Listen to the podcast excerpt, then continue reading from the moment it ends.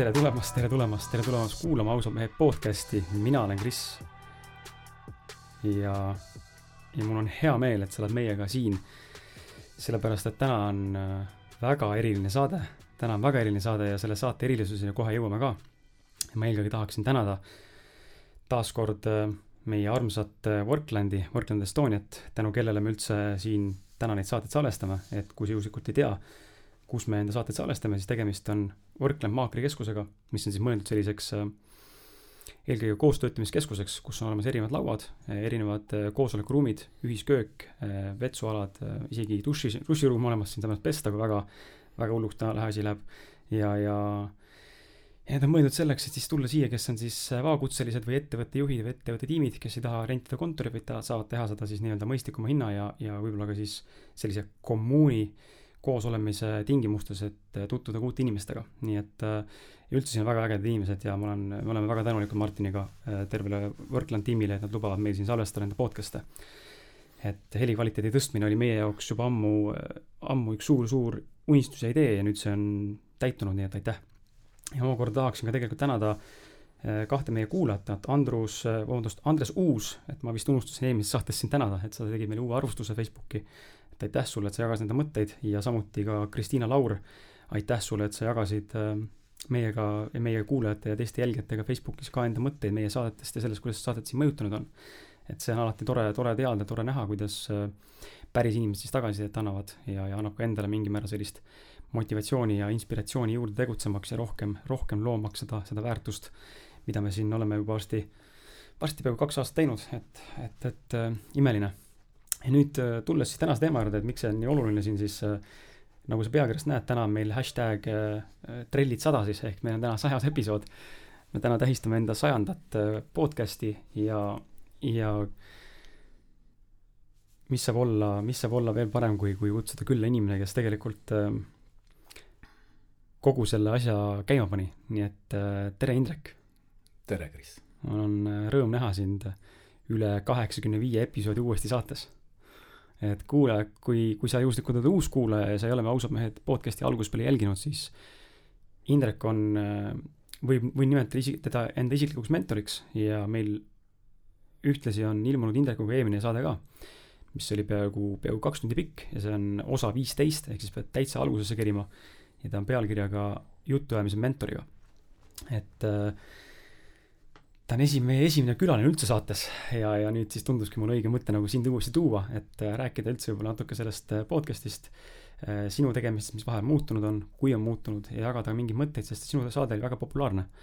ja, ja mitte küll, mm, ma täpsustan populaarsust, ta ei ole kuulamiste mõttes enam nii populaarne nagu täna näiteks, sest uued saated on peale tulnud neid kuulatakse rohkem kui vanu saateid, mõni fanatt on kuulanud algusest peale kõiki meie saateid ja siis on kuulatud ka sinu oma uuesti, aga ta on ikkagi päris suure kuulamise arvuga, aga see positiivne tagasiside, mis on tulnud saatest, on see, mis on inimesi väga palju kõnetanud.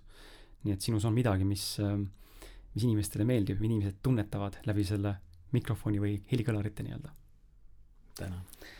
ja, ja kui te juhuslikult ka seda lugu veel ei tea, siis äh, siis tegelikult ju Ausad mehed podcast äh, on kõik tegelikult Indrek sinu nii-öelda ütleme, suunamuutlikkus vähemalt tuli sealt sinu kaudu, et nime muuta. me tegelikult ju olime ausad, mitte ausad mehed, vaid emotsionaalsed mehed esimesed neliteist episoodi. Ja siis, äh, ja siis mingist hetkest meil tuli sisse, et me oleme ausad mehed ja sinu ettepanek oli muuta emotsionaalsed mehed ausad meesteks. kust, äh, küsingi sult niimoodi prompt, et kust tuli sihuke idee ja, ja miks just tundus, et ausad mehed võiks olla see, mis kõnetab? sellepärast, et emotsionaalne, sõna emotsionaalne on minu jaoks äh, halva tähendusega. ta on, emotsionaalsusega peab tööd tegema väga kõvasti, et emotsioonid, kui juhivad inimest, siis on inimene, ta ei ole päris tema ise. aga aus on sada protsenti üheselt mõistetav, üheselt arusaadav kõigile mm. -hmm. see on huvitav, et sa seda nime välja pakkusid, ausad mehed, sellepärast et äh, ma täna tagantjärgi nii-öelda vaadates siis äh, minevikku, võib-olla seda muutushetke, ma julgen öelda, et emotsionaalsete meestega me ei oleks täna siin, kus me oleme ausad mehed podcast'iga, et selles nimes on midagi, mis, mida sa suutsid ühe sõnaga kirjeldada seda, mida me teeme või tegime tol ajal juba. täna on see nüüd võimendatuna ja me oleme ise arenenud rohkem, edasi läinud ja asjad on liikunud ja üldse see podcast on voolama hakanud. et meil täitus ka ju, kohe sa, kohe ütlen sulle, annan sõna sulle, meil täitus ka ju alles hiljuti sada kümme tuhat kuulamist juba. Sada kümme tuhat on päris palju tegelikult. suur arv. et, mis sa tahtsid vahele öelda? Ma tahtsin seda öelda, et et emotsionaalsed, kui öeldakse emotsionaalsed mehed, siis keegi täpselt ei, ei saa aru, miks, aga neile see ei meeldi. seespidiselt inimestele, mitte kellelegi see ei meeldi, ei naistele, ei meestele. küll öeldakse, naised ütlevad tihti enda, et oi, ma olen nii emotsionaalne, nii mm, -hmm. aga samas väga paljud on teadlikud, et see ei meeldi inimestele. Seetõttu ei tasu selliseid sõnu kasutada. et elus on sõnavalik on väga määrava mhm. tähtsusega mm. -hmm. iga sõnavalik sellega ma olen nõus, ma, see ongi huvitav, et tulles selle emotsionaalsete meeste juurde, enne kui läheme nagu selle saate sisu juurde, et tulles selle juurde tagasi, siis ma näen ka, et seda ongi võimalik nii mitmeid mõista, et meie tegelikult mõtlesime seda selle all, et me oleme nagu mehed, kes siis ei julge, ei, ei karda rääkida enda sisemaailmast, mis on ka emotsioonid, tunded ja mõtted. Aga see kirjapildis jättis mulje, me oleme nagu hästi siuksed nutame igas saates või nagu selline, et hästi nagu emotsioonist juhitud. et äh, selles mõttes jaa, et see, see sõna, sõnaoskus ja sõnavalik ja õigete sõnade leidmine see on see, mis nende sõnade taga olev signatuur nagu inimesele kohale jõuab ka, et et siinkohal sulle suur aitäh, et sa oled mind äh, selle pooleteise aasta jooksul äh, nõustanud või isegi aidanud mingil määral ja, ja olemas olnud ja et sa oled juhtinud seda äh, niimoodi taustal õrnalt toetanud seda ausad mehed podcast'i kujunemist, sest sellest täna on tänaseks liik tulnud päris, päris äh, äge asi välja ja ma loodan, et tulevik on veel, veel ägedam. ja et sa jääd, jääd meie juurde meid kuulama ja meid toetama. Nii, aga tänased teemad on tegelikult huvitavad ja ma arvan, et, ma arvan, et äh, ma siin silvisin veidi neid küsimusi, mis me oleme kirja pannud siin ja, ja üritanud mõelda, millest me võiksime rääkida, et äh, ma küsin sult ära, kas sa seda meditatiivset osa tahaksid teha või sa pigem äh, soovid seda vaadata nüüd saate jooksul kulgevalt? ma sooviks seda saate jooksul kulgevalt ja kui, siis lõpus. okei okay,, teeme niimoodi. ja ma ühtlasi vaatasin seda tegelikult, et siin lõpupoole on on mul isegi natukene sellises mõttes mitte, mitte otseselt huvitavamad, aga võib-olla sellised küsimused, mis mulle tundub, et võib-olla peaks hakkama minema äh, seekord küsimustiku mõttes tagantpoolt ettepoole mingil määral. või soovid sa alustada eespoolt? Ma sooviks alustada ikkagi sellest esimesest okay, meditatsiooni alustame. küsimusest mm, -hmm. sest et äh, ma järjestasin need su küsimused olulisuse mm -hmm. ritta. et ses mõttes, kuidas inimestele see võiks kõige õigemini kohale mhm. jõuda mm. -hmm. sest et võib-olla läheks see saade rohkem nagu praktikasse või mm -hmm. süviti, süviti mm -hmm. praktikasse, detailidesse. ma olen päris palju su saateid kuulnud, kuulanud ja, ja noh, juttu on liiga palju. noh, ja kui on palju, siis ei jõua kohale mm. -hmm. alati vähe on parem või detailsem on parem et võib-olla lähtuks tänases saates nagu, nagu praktika võtmes. Et kas või ise räägid ka, et mida sa teinud oled enda praktikas, mida sa oled kasutusele võtnud. ja, ja nii edasi, seetõttu ma peaksin, ma hakkaksin tänast saadet kõige, kõige kõrgemast otsast üldse pihta mm, -hmm. valgustatusest see võiks haarata ja panna kaasa mõtlema. absoluutselt. Kas sa, no aga räägimegi siis kohe sellest samast terminist, et see on üsna, üsna levinud termin äh, siin tänasel vaimsel ajastul, tegelikult see on juba noh, aastate, aastakümnete jooksul olnud väga oluline termin ja, ja ikkagi populaarne, aga mulle tundub, et täna räägivad kõik sellest. aga mul on tunne, et kõik ei mõista seda tegelikult võib-olla sellisel tasandil. et räägi, mis on sinu, mis on siis sinu selline kogemus, arusaamine ja võib-olla ka siis äh, ütleme, põhi, põhikontseptsioon või mõte selle valgustumise taga? ma läheneksin vastuses niipidi, et, et inimesed räägivad valgustamisest, kuhu me tahame jõuda. aga mina, mina kujutan ette vastupidi, et hakkame, lahkame kõigepealt, mis asi on valgustatus jätame enda hetkel kõrval, mis asi Mhm. on valgustatus. Kuidas ma sellest aru saan? kui ma aru ei saa, siis ei ole mõtet sinnapoole püüelda. et kui see on minu jaoks voodoo liiga raske, ei ole mõtet püüelda. aga kui sa leiad selles valgustuses, valgustatuses enda jaoks sügava pointi, siis vot siis tasub alustada seda teed. Mulle tegelikult ei meeldi, kui räägitakse, et eh, olen kuulnud, et valgustatus on a la lükkad mõtte välja ja käid ringi tuima mm -hmm. näoga. see on valus, mul on seda valus kuulata, sest eh, see absoluutselt ei vasta tõele. või räägitakse, et eh, inimene istub koopas ja no kas seda elu me siis tahamegi, ma jät-, jäin ju kõik ära mm. -hmm. aga nad, kõik see vahepealne on inimestel teadmata, miks ta istub koopas. ta istub selle sama inimese pärast äkki koopas, kes nii ütleb, sest ta ajab lolli juttu tema jaoks. totaalselt mõttetut juttu, ta ei viitsi sellega üldse kaasa minna. äkki see on niipidi? et, et tuleks esmalt, kes tahab sinna maailma minna enda jaoks selgeks teha, mida ta sellest ootab. inimesed võtavad välja selle koopas elanik, koopa elaniku nagu näite mm. -hmm. aga valgustatuses on ka väga palju, valgustatud inimestes on väga palju ka väga tege-, tegi-, tegijaid. siis on fifty-fifty tegijaid, noh, ja, ja tõesti koopas olejaid, kes ei taha enam eluga, selle materiaalse eluga kaasa minna tegijate all sa mõtledki just neid, kes siis igapäevategevuses midagi kes on tegevuses, teevad midagi. teevad mm, -hmm. teevad tööd aktiivselt, teevad kõike, aga nad on valgustunud. Nad teevad absoluutse teadlikkusega kõik. ja, ja seetõttu tegelikult on nagu vaimne maailm on tegelikult väga subjektiivne. ta on äärmiselt subjektiivne ja seetõttu ta ongi per-, inimeste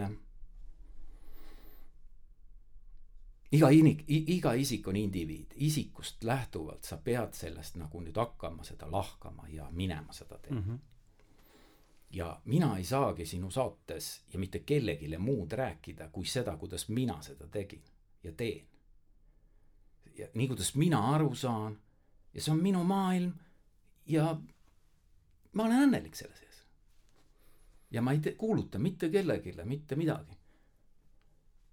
sest et kellelegi midagi soovitada on äärmiselt vale, kõik peavad ise leidma selle tee mm. -hmm. äärmiselt vale. see on huvitav, mulle tegelikult väga meeldis, et sa praegu mainisid kohe ära selle, sa mingil määral äh, mainisid ära selle valgustatuse müüdi, mis on hästi praegu laialt levinud. et just see, et see koopa näide, et sa pead olema täiesti isoleeritud kõigest, elu peab jääma seisma ja sa lähedki kiviinimeseks nii-öelda või koopa inimeseks aga et just see tasakaalustus, et kuidas nagu olla ka tegelikult tegutsedes siin täna veel inimesena, indiviidina, aga samal ajal olla teadlik oma tegemistes. et äh, mulle tundub, ka mina ise äh, täna tänu sinule ja, ja veel mõnele allikale, mida ma olen siin hakanud rohkem võib-olla lugema või rohkem resoneeruma, ma näen ka, et sinu, sinu jutus on see, mis, või sinu jutt on see, millega ma resoneerun. ja sina oled mulle nagu näidanud väga tugevalt seda, et, et need just nimelt see, see vaimne ja nii-öelda siis see ärimaailm, eks ole, see materiaalne maailm, nad ei pea olema nagu kaks leeri. et see ikkagi, ikkagi kõik on siin ja praegu koos, et lihtsalt äh, küsimus on tasakaalus ja selles teadlikkuses, kuidas me sellesse suhestume või sellega tegeleme. aga, aga räägige siis äkki ähm, kus, kus, kus sa täna oled siis selles mõttes enda nagu selles mõttes, ütleme, selle valgustuse või, või selle mõiste või selle vaimsuse või rahulolu üldse selle juures ja siis võib-olla ongi loogiline järgmisena seletada, kuidas sa siia jõudsid võib-olla, et üldse inimene hoomaks, kus sa täna tegelikult oled siis omadega, mis sa mõtled selle all? vot seetõttu mul oligi soov alustada teemast valgustatus mm. -hmm. ja, ja nüüd ma li-, hakkaksin minema seda rida, mis mi,, kuidas mina aru sain valgustatusest. ja, ja ega selleks ei olegi väga palju vaja va,, tegemist noh, elu on tegelikult äärmiselt lihtne sa proovi leida üles need märksõnad enda jaoks ja, ja hakka seda mööda minema. minu märksõna oli eh, Buda kõik lihtsad, Gautama Buda lihtsad ütlused. tema lihtne ütlus eh, valgustatusest on keskendunud teadvuse pilv. saa keskendunud teadvuse pilveks. Ega siis kohe sellest aru ei saa mitte keegi, aga ma hakkasin sõna-sõna haavalt minema. sõna keskendumine. hakkasin tegelema keskendunult kõigega. keskendu kõigesse. ära, ära anna hinnanguid, et teen, et ei, see, see, see mulle ei sobi või sobib. ennem kui sa ühegi hinnangu annad, keskendu ja hakkasin seda teed minema, kõigepealt keskendu, siis proovisin aru saada, mis on teadvus. Ja no pilv on juba selge, eks. mis asi ta on, sa oled täis, sa oled täis äh, seda tarkust mm, -hmm. teadvuse tarkust. ja, ja seetõttu ja teine, mis ta ütles väga lihtne, ta on maailma kõige lihtsama meditatsiooni isa ega ta, ega sellepärast ongi nii aastasadu tuhandeid suust suhu käib vaimne iidol kõigile. ta ütles, mida te, mida te tõmblete, tehke sisse-välja hingamist. sisse, välja, sisse, välja ja nii kogu aeg. et eh, ärge mõtle muule, vaid sisse-välja. teised toovad igasuguseid teooriaid mm -hmm. ja värke, ta, temas peitus see lihtsus, mis mulle hästi töötab. sest millegipärast ma äh, kogu elu tegelikult tahan, olen taht lihtsalt elada. ma võin seda ja julgen täna vanamehena tunnistada. ma olen otsinud igast sammust juba, juba lapsena ma mäletan, et mul oleks kerge, lihtne, ma tegin kõik nagu ema tahtis, armastus oli garanteeritud. ma kuidagi, kuidagi on see minu sees ja sealt tuligi siis mul õudselt suur soov keskenduda ja muud moodi ma selleks mitte mingit jõudu ei leidnud kui meditatsioonis. hakkasin mediteerima, mediteerima, mediteerima. ja, ja selle mediteerimise üks võlu oli minu jaoks, suurim võlu oli see, et ma teadsin, et kõikide hädade algus on ülemõtlemine mm. -hmm. emotsionaalsus. Seetõttu kohe, kui sa ütlesid emotsionaalsed mehed on ju saate nimeks, mul lõi rauht nagu noaga. ülemõtlemine, emotsionaalsus. ja ma soovisin just nimelt enda sisse mittemõtlemise seisundit. veel kord kordan, see ei ole zombina ringi käimine mitte lähedalegi mm. -hmm vaid mittemõtlemise seisund on tohutu terav keskendunud seisund. Väga terav keskendunud seisund. ma leian võime teha päevas kõike, mitte mõtlemata. ja kui ma näen Krissi, keskendun sulle sada protsenti. Lähen ära, lükkan kõik, lülitan välja mm. -hmm see on niivõrd ilus ja hea tunne. Vot seetõttu ma teen seda ja soovitan kõigile, kes viitsivad tegeleda.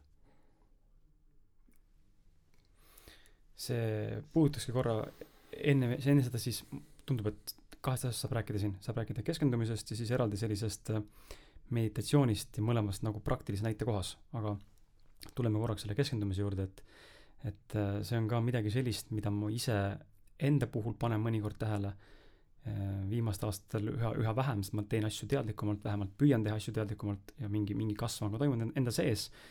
aga ma näen tõesti seda, kui palju ja jälle üldse mitte kritiseerides, aga vaadates seda ühiskondlikku pilti, siis väga palju on sellist pinnapealsust ja nagu mitte soovi minna süvitsi ja mitte suutlikkust keskenduda, olla nagu hetkes. kas või sellesama näite, et mingit asja teha, eks ole ma segan korra vahele mm, -hmm. kellest sa praegu rääkisid, endast või sa näed teisi? Endast ja teiste näite najal olen samamoodi näinud seda justkui nagu ühiskonnapildis nii-öelda. mitte küll noh, sada protsenti, eks ole, aga ma näen seda mustrit, et inimesed, eriti just noorem generatsioon, kes tuleb peale minust nagu nooremad mm, -hmm. et hästi raske on olla fokusseeritud ühes hetkes kohas korraga, ühele ülesandele korraga, see meel või, või mõtted või kõik see tahab nii-öelda ringi, ringi uisapäisa olla ja sa ei saa üldse olla fokusseeritud ühte eh, tegevusse või ühte hetke, et seda saaks siis sada protsenti nii-öelda efektiivselt teha. Nüüd ongi hea praktika teemaline küsimus, aga kuidas sa nüüd treenid endas keskendumist? mõtle enda sisse, kuidas sina treenid nüüd keskendumist, et kui sul on hädasti vaja keskenduda, kuidas sa seda teed? no esimene mõte, esimene sõna, mis mulle tuleb, on lülita ennast välja. ja, ja selles mõttes, et minu oskus täna välja lülitada, ma arvan, on võrreldamatu võib-olla sinu kirjeldatud oskusega.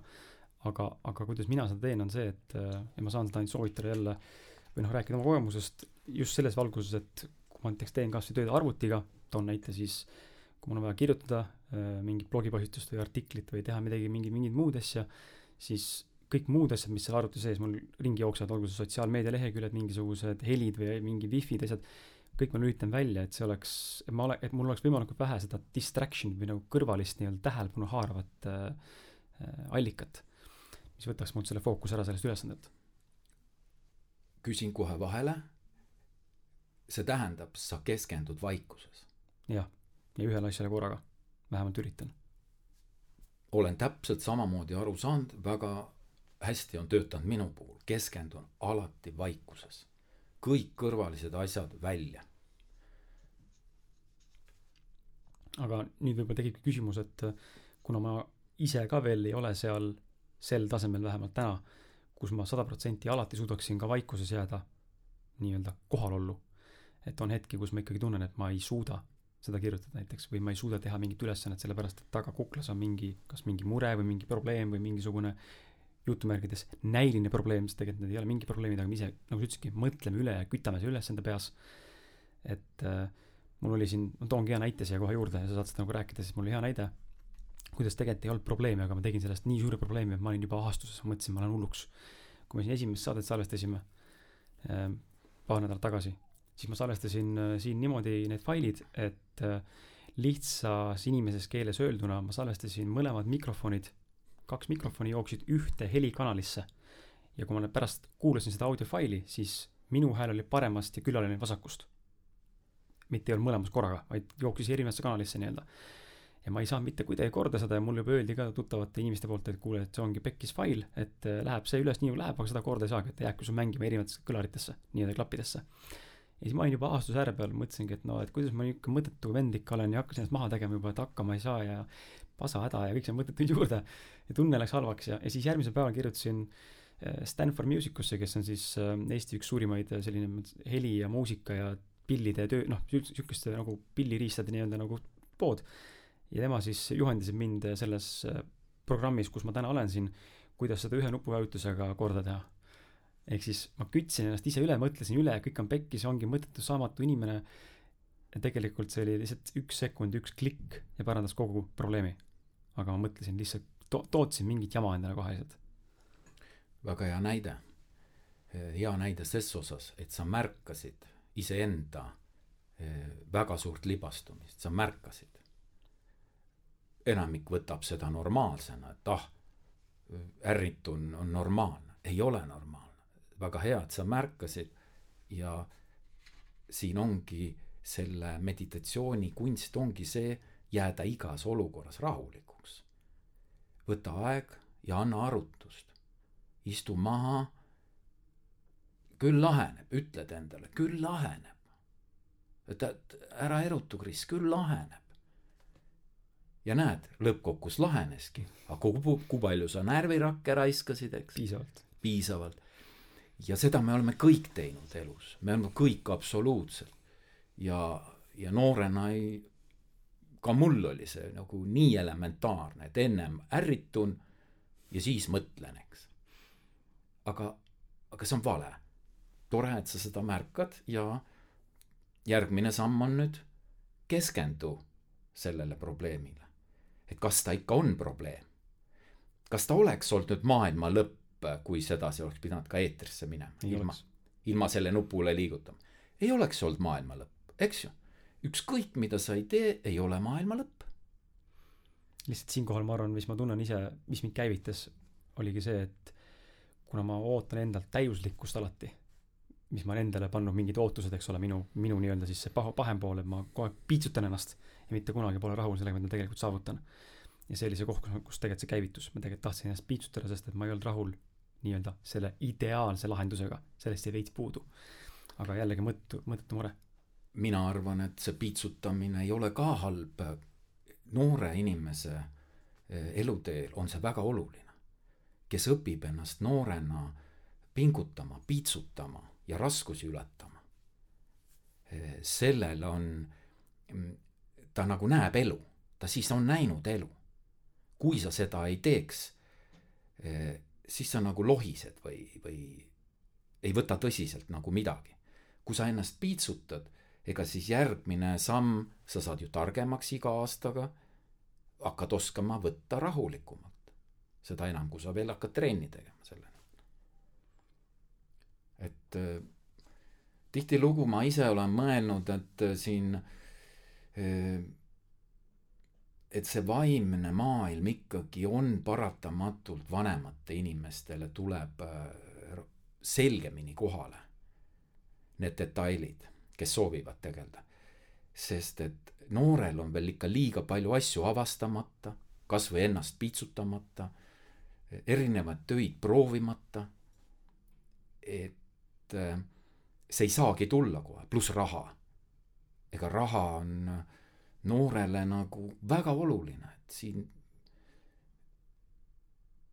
siin ei saa, ei saa seda faktorit üldse mm, alahinnata, ka mulle oli väga oluline. aga lihtsalt täna, kui oled juba vanem inimene, siis ma saan aru, et sellest tuleb üle olla mm. -hmm. ega siis sa nagu ei tohi mõelda selle peale, sest raha ju ikka tuleb su juurde ega siis ta, kus, miks ta siis nüüd äkki homme tulemata jääb, kui ma ei mõtle ta peale, onju. ta ikka tuleb. huvitav, et äh, see, no seal ongi see, see kärsitus, kärsitus ja, ja mis, millest me eelmises saates tegelikult sinuga ka rääkisime, see, see kannatlikkuse õppimise kunst ka selle, paralleelselt siis selle keskendumise juures on nagu ülimalt oluline faktor. me tahame kõike kohe nüüd ja praegu, täna mm ja kui see nüüd sekundiga mul siin ei juhtu, siis põhimõtteliselt äh, hakkabki tööle see absurdsus. just, ja siin sa ütlesid hästi, et nüüd ei ole ainult, ma tooksin sõna juurde, mitte kannatlikkuse juurde, ka tegelikult peab kannatama. sa pead suutma ennast analüüsida, sa pead kannatama, miks see olukord nii juhtus. ole, seda, see on nagu Osho pidev väljend on, sa pead, kui sa tahad isikuna muutuda sa pead väga paljudes asjades ka kannatama. noh, mitte olema nagu ainult kannatlik, vaid mm -hmm. ka mhm. kannatama, analüüsima. noh, see on valus, see on kõigile valus alguses, ma, mida ma siin analüüsin, ma tahaks pittu minna juba, eks. aga ei, sa pead suutma võtma selle aja. siis saab toimuda ainult areng sinu sees, mitte mingil muu võima- mo,, moel. ja vot siin ongi ühiskonnas see mida ma näen, nad ei, nad ei taha võtta, nad vahetavad selle eh, lõbu ja, ja meelelahutusega. et ah, oli pinge, lähme lõbutseme, unustame selle jama. jah, see on ka variant ja kõik teevad nii, aga siis sa ei arene mm, -hmm. see on null.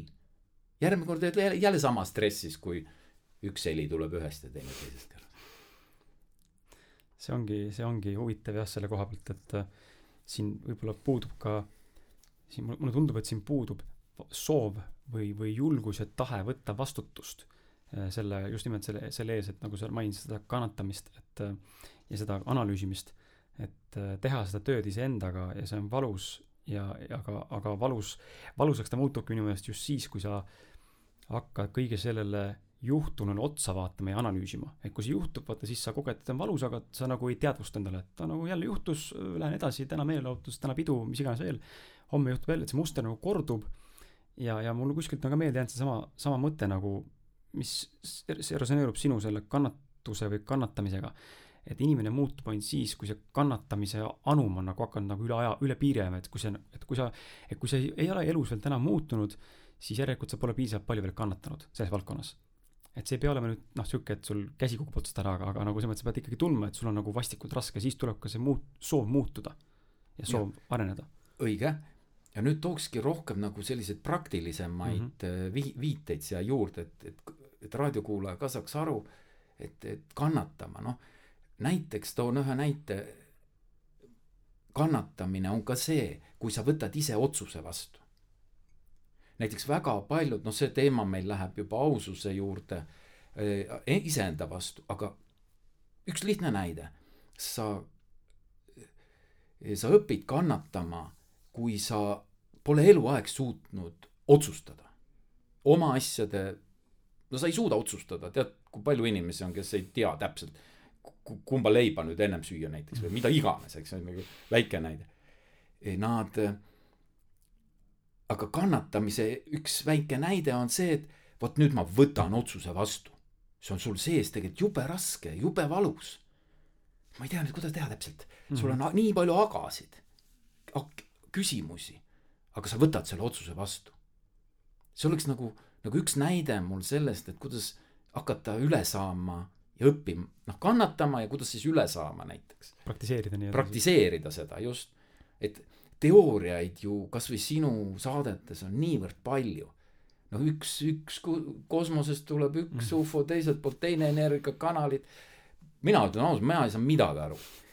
Sest et ma elan siin ja praegu mm. -hmm ega mina ei tea, no kui ma suren ja lähen kosmosesse, no siis on kosmoses. Lähen maale, olen maal. vahet ei ole, ma olen tegelikult, võtan liiga lihtsalt kõike. aga mulle sobival mm -hmm. viisil. vot see oli üks näide, et kannatamisest, mitte kannatlikust, vaid kannata. Võitle endaga. või teine näide, et vot ma olen ilgelt päevatööst väsinud. vot ei lähe pittu, vot ma olen kodus ja mõtisklen enda üle, oma filosoofiate üle, vot ei lähe pittu vot olen, mõtisklen omaette üksi. ei lähe küsima naiselt nõu, mida me teeme või mehelt või, või, või oma aega kohe lastega veetma, et vot, vot mõtisklen. See on kannatamine, sest kergem on minna kohe ju pittu, piltlikult öeldes mm. -hmm. ehk siis eh, meie jutu soovitus võib olla siis sellisel juhul, vähemalt selle näite kohaselt, et kui sa ei suuda otsustada, siis lihtsalt lihtsalt otsusta, sest nagunii sa ei tea, mis üks või teine variant toob. täpselt, aga maailma lõppu ei too emb kumbki variant mm. -hmm. mõlemad on tegelikult okeid variandid, kui nad su peas juba on. aga su see mõ-, mõistuse maailm suunab kogu aeg, kuidas ühiskond teeks, kuidas äh, mu isa oleks teinud või ema oleks teinud, kuidas, kogu aeg suunab mõistus, kuidas nemad oleks teinud. aga teine pool on mu, kuidas mu süda teeks mm. -hmm. ja, ja vot siin ongi ainult nagu kaks varianti, aga maailma lõpp ei ole kumbki. lõppkokkuvõttes siis mine selle ebakindlama variandi järgi ja proovi, noh, proovi, katseta. Ega elu on ka katsetamiseks, elu on elamiseks.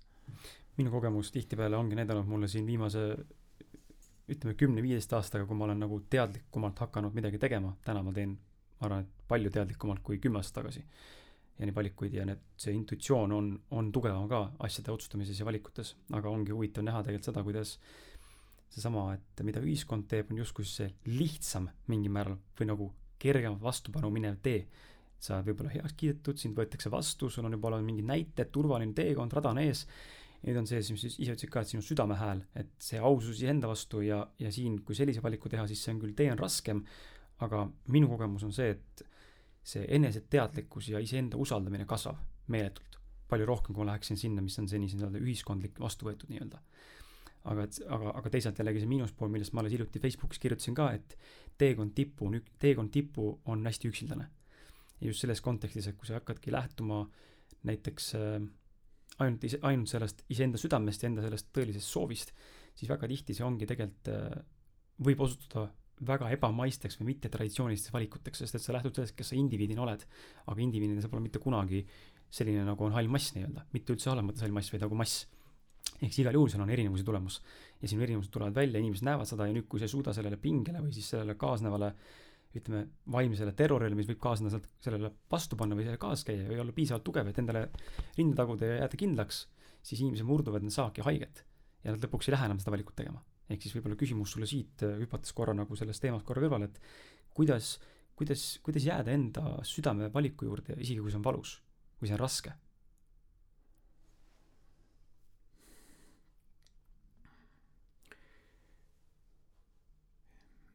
No siin sa hüppasid äh, nagu selles mõttes uue küsimuse juurde, jättes au, enda vastu ausus mm, -hmm. see kõrvale nüüd. et võib-olla me peaks nüüd ka ausust ennem lahkama Okei, enda lahkame. vastu ausust mm. -hmm. sest et, et nüüd kuidas jääda, me ei lähe jälle nagu astmete mööda mm. -hmm. vaid hüppame sinna-tänna kolmandasse kohta. et lähme nüüd järjest, et tegelikkuses see põhimõtteliselt kõik vastused, kõik küsimuse küsid, nende vastusteks on ausus enda vastu.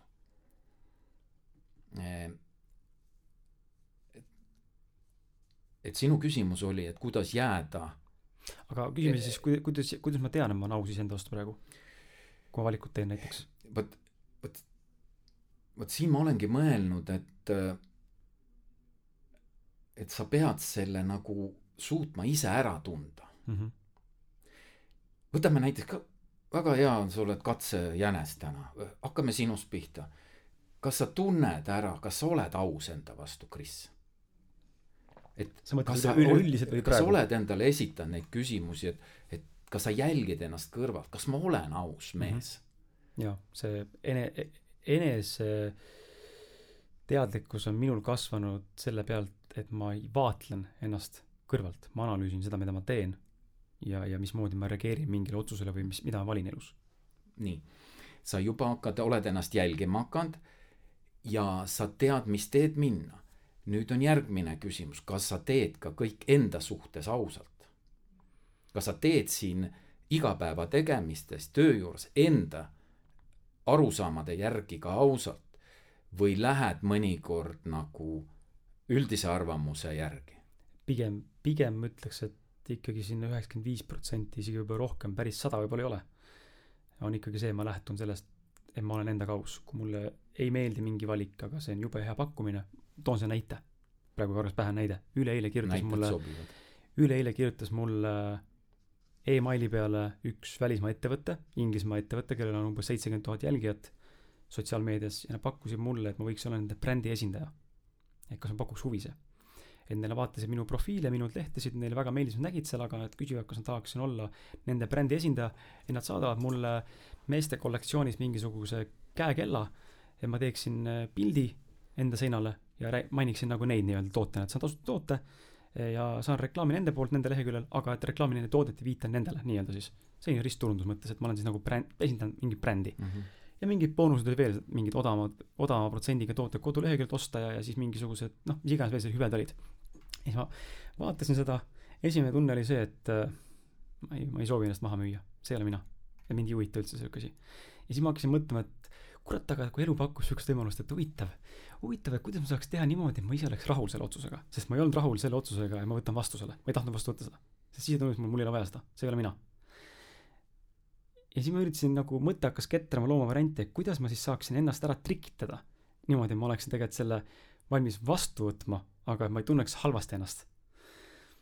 ja siis ma lõpuks ikkagi, see läks, võib-olla kestis mingi võib-olla pool tundi maksimaalselt ja ma otsustasin ja kirjutasin kirja, et ei, aitäh, et tänan pakkumast, aga aga ma ei ole see inimene, kes soovib teiste brändidega sellisel tasandil koostööd teha. või siis mitte konkreetselt selle brändiga, et võib-olla mõni teise brändiga teeksin, aga ma noh, neile ei öelnud seda, aga ma praegu selgitan, et neile ütlesin ei, tänasin ja, ja oli kõik, jäin iseendaks. väga hea näide minu silmis. sa keskendusid teemasse lahkasid kõik detailid läbi enda sees. on mul õigus mm, -hmm. enda sees mm? -hmm. Enda sees. ja tegid otsuse. vot, vot see ongi näide südame järgi elamisest. sa teed kõike enda sees.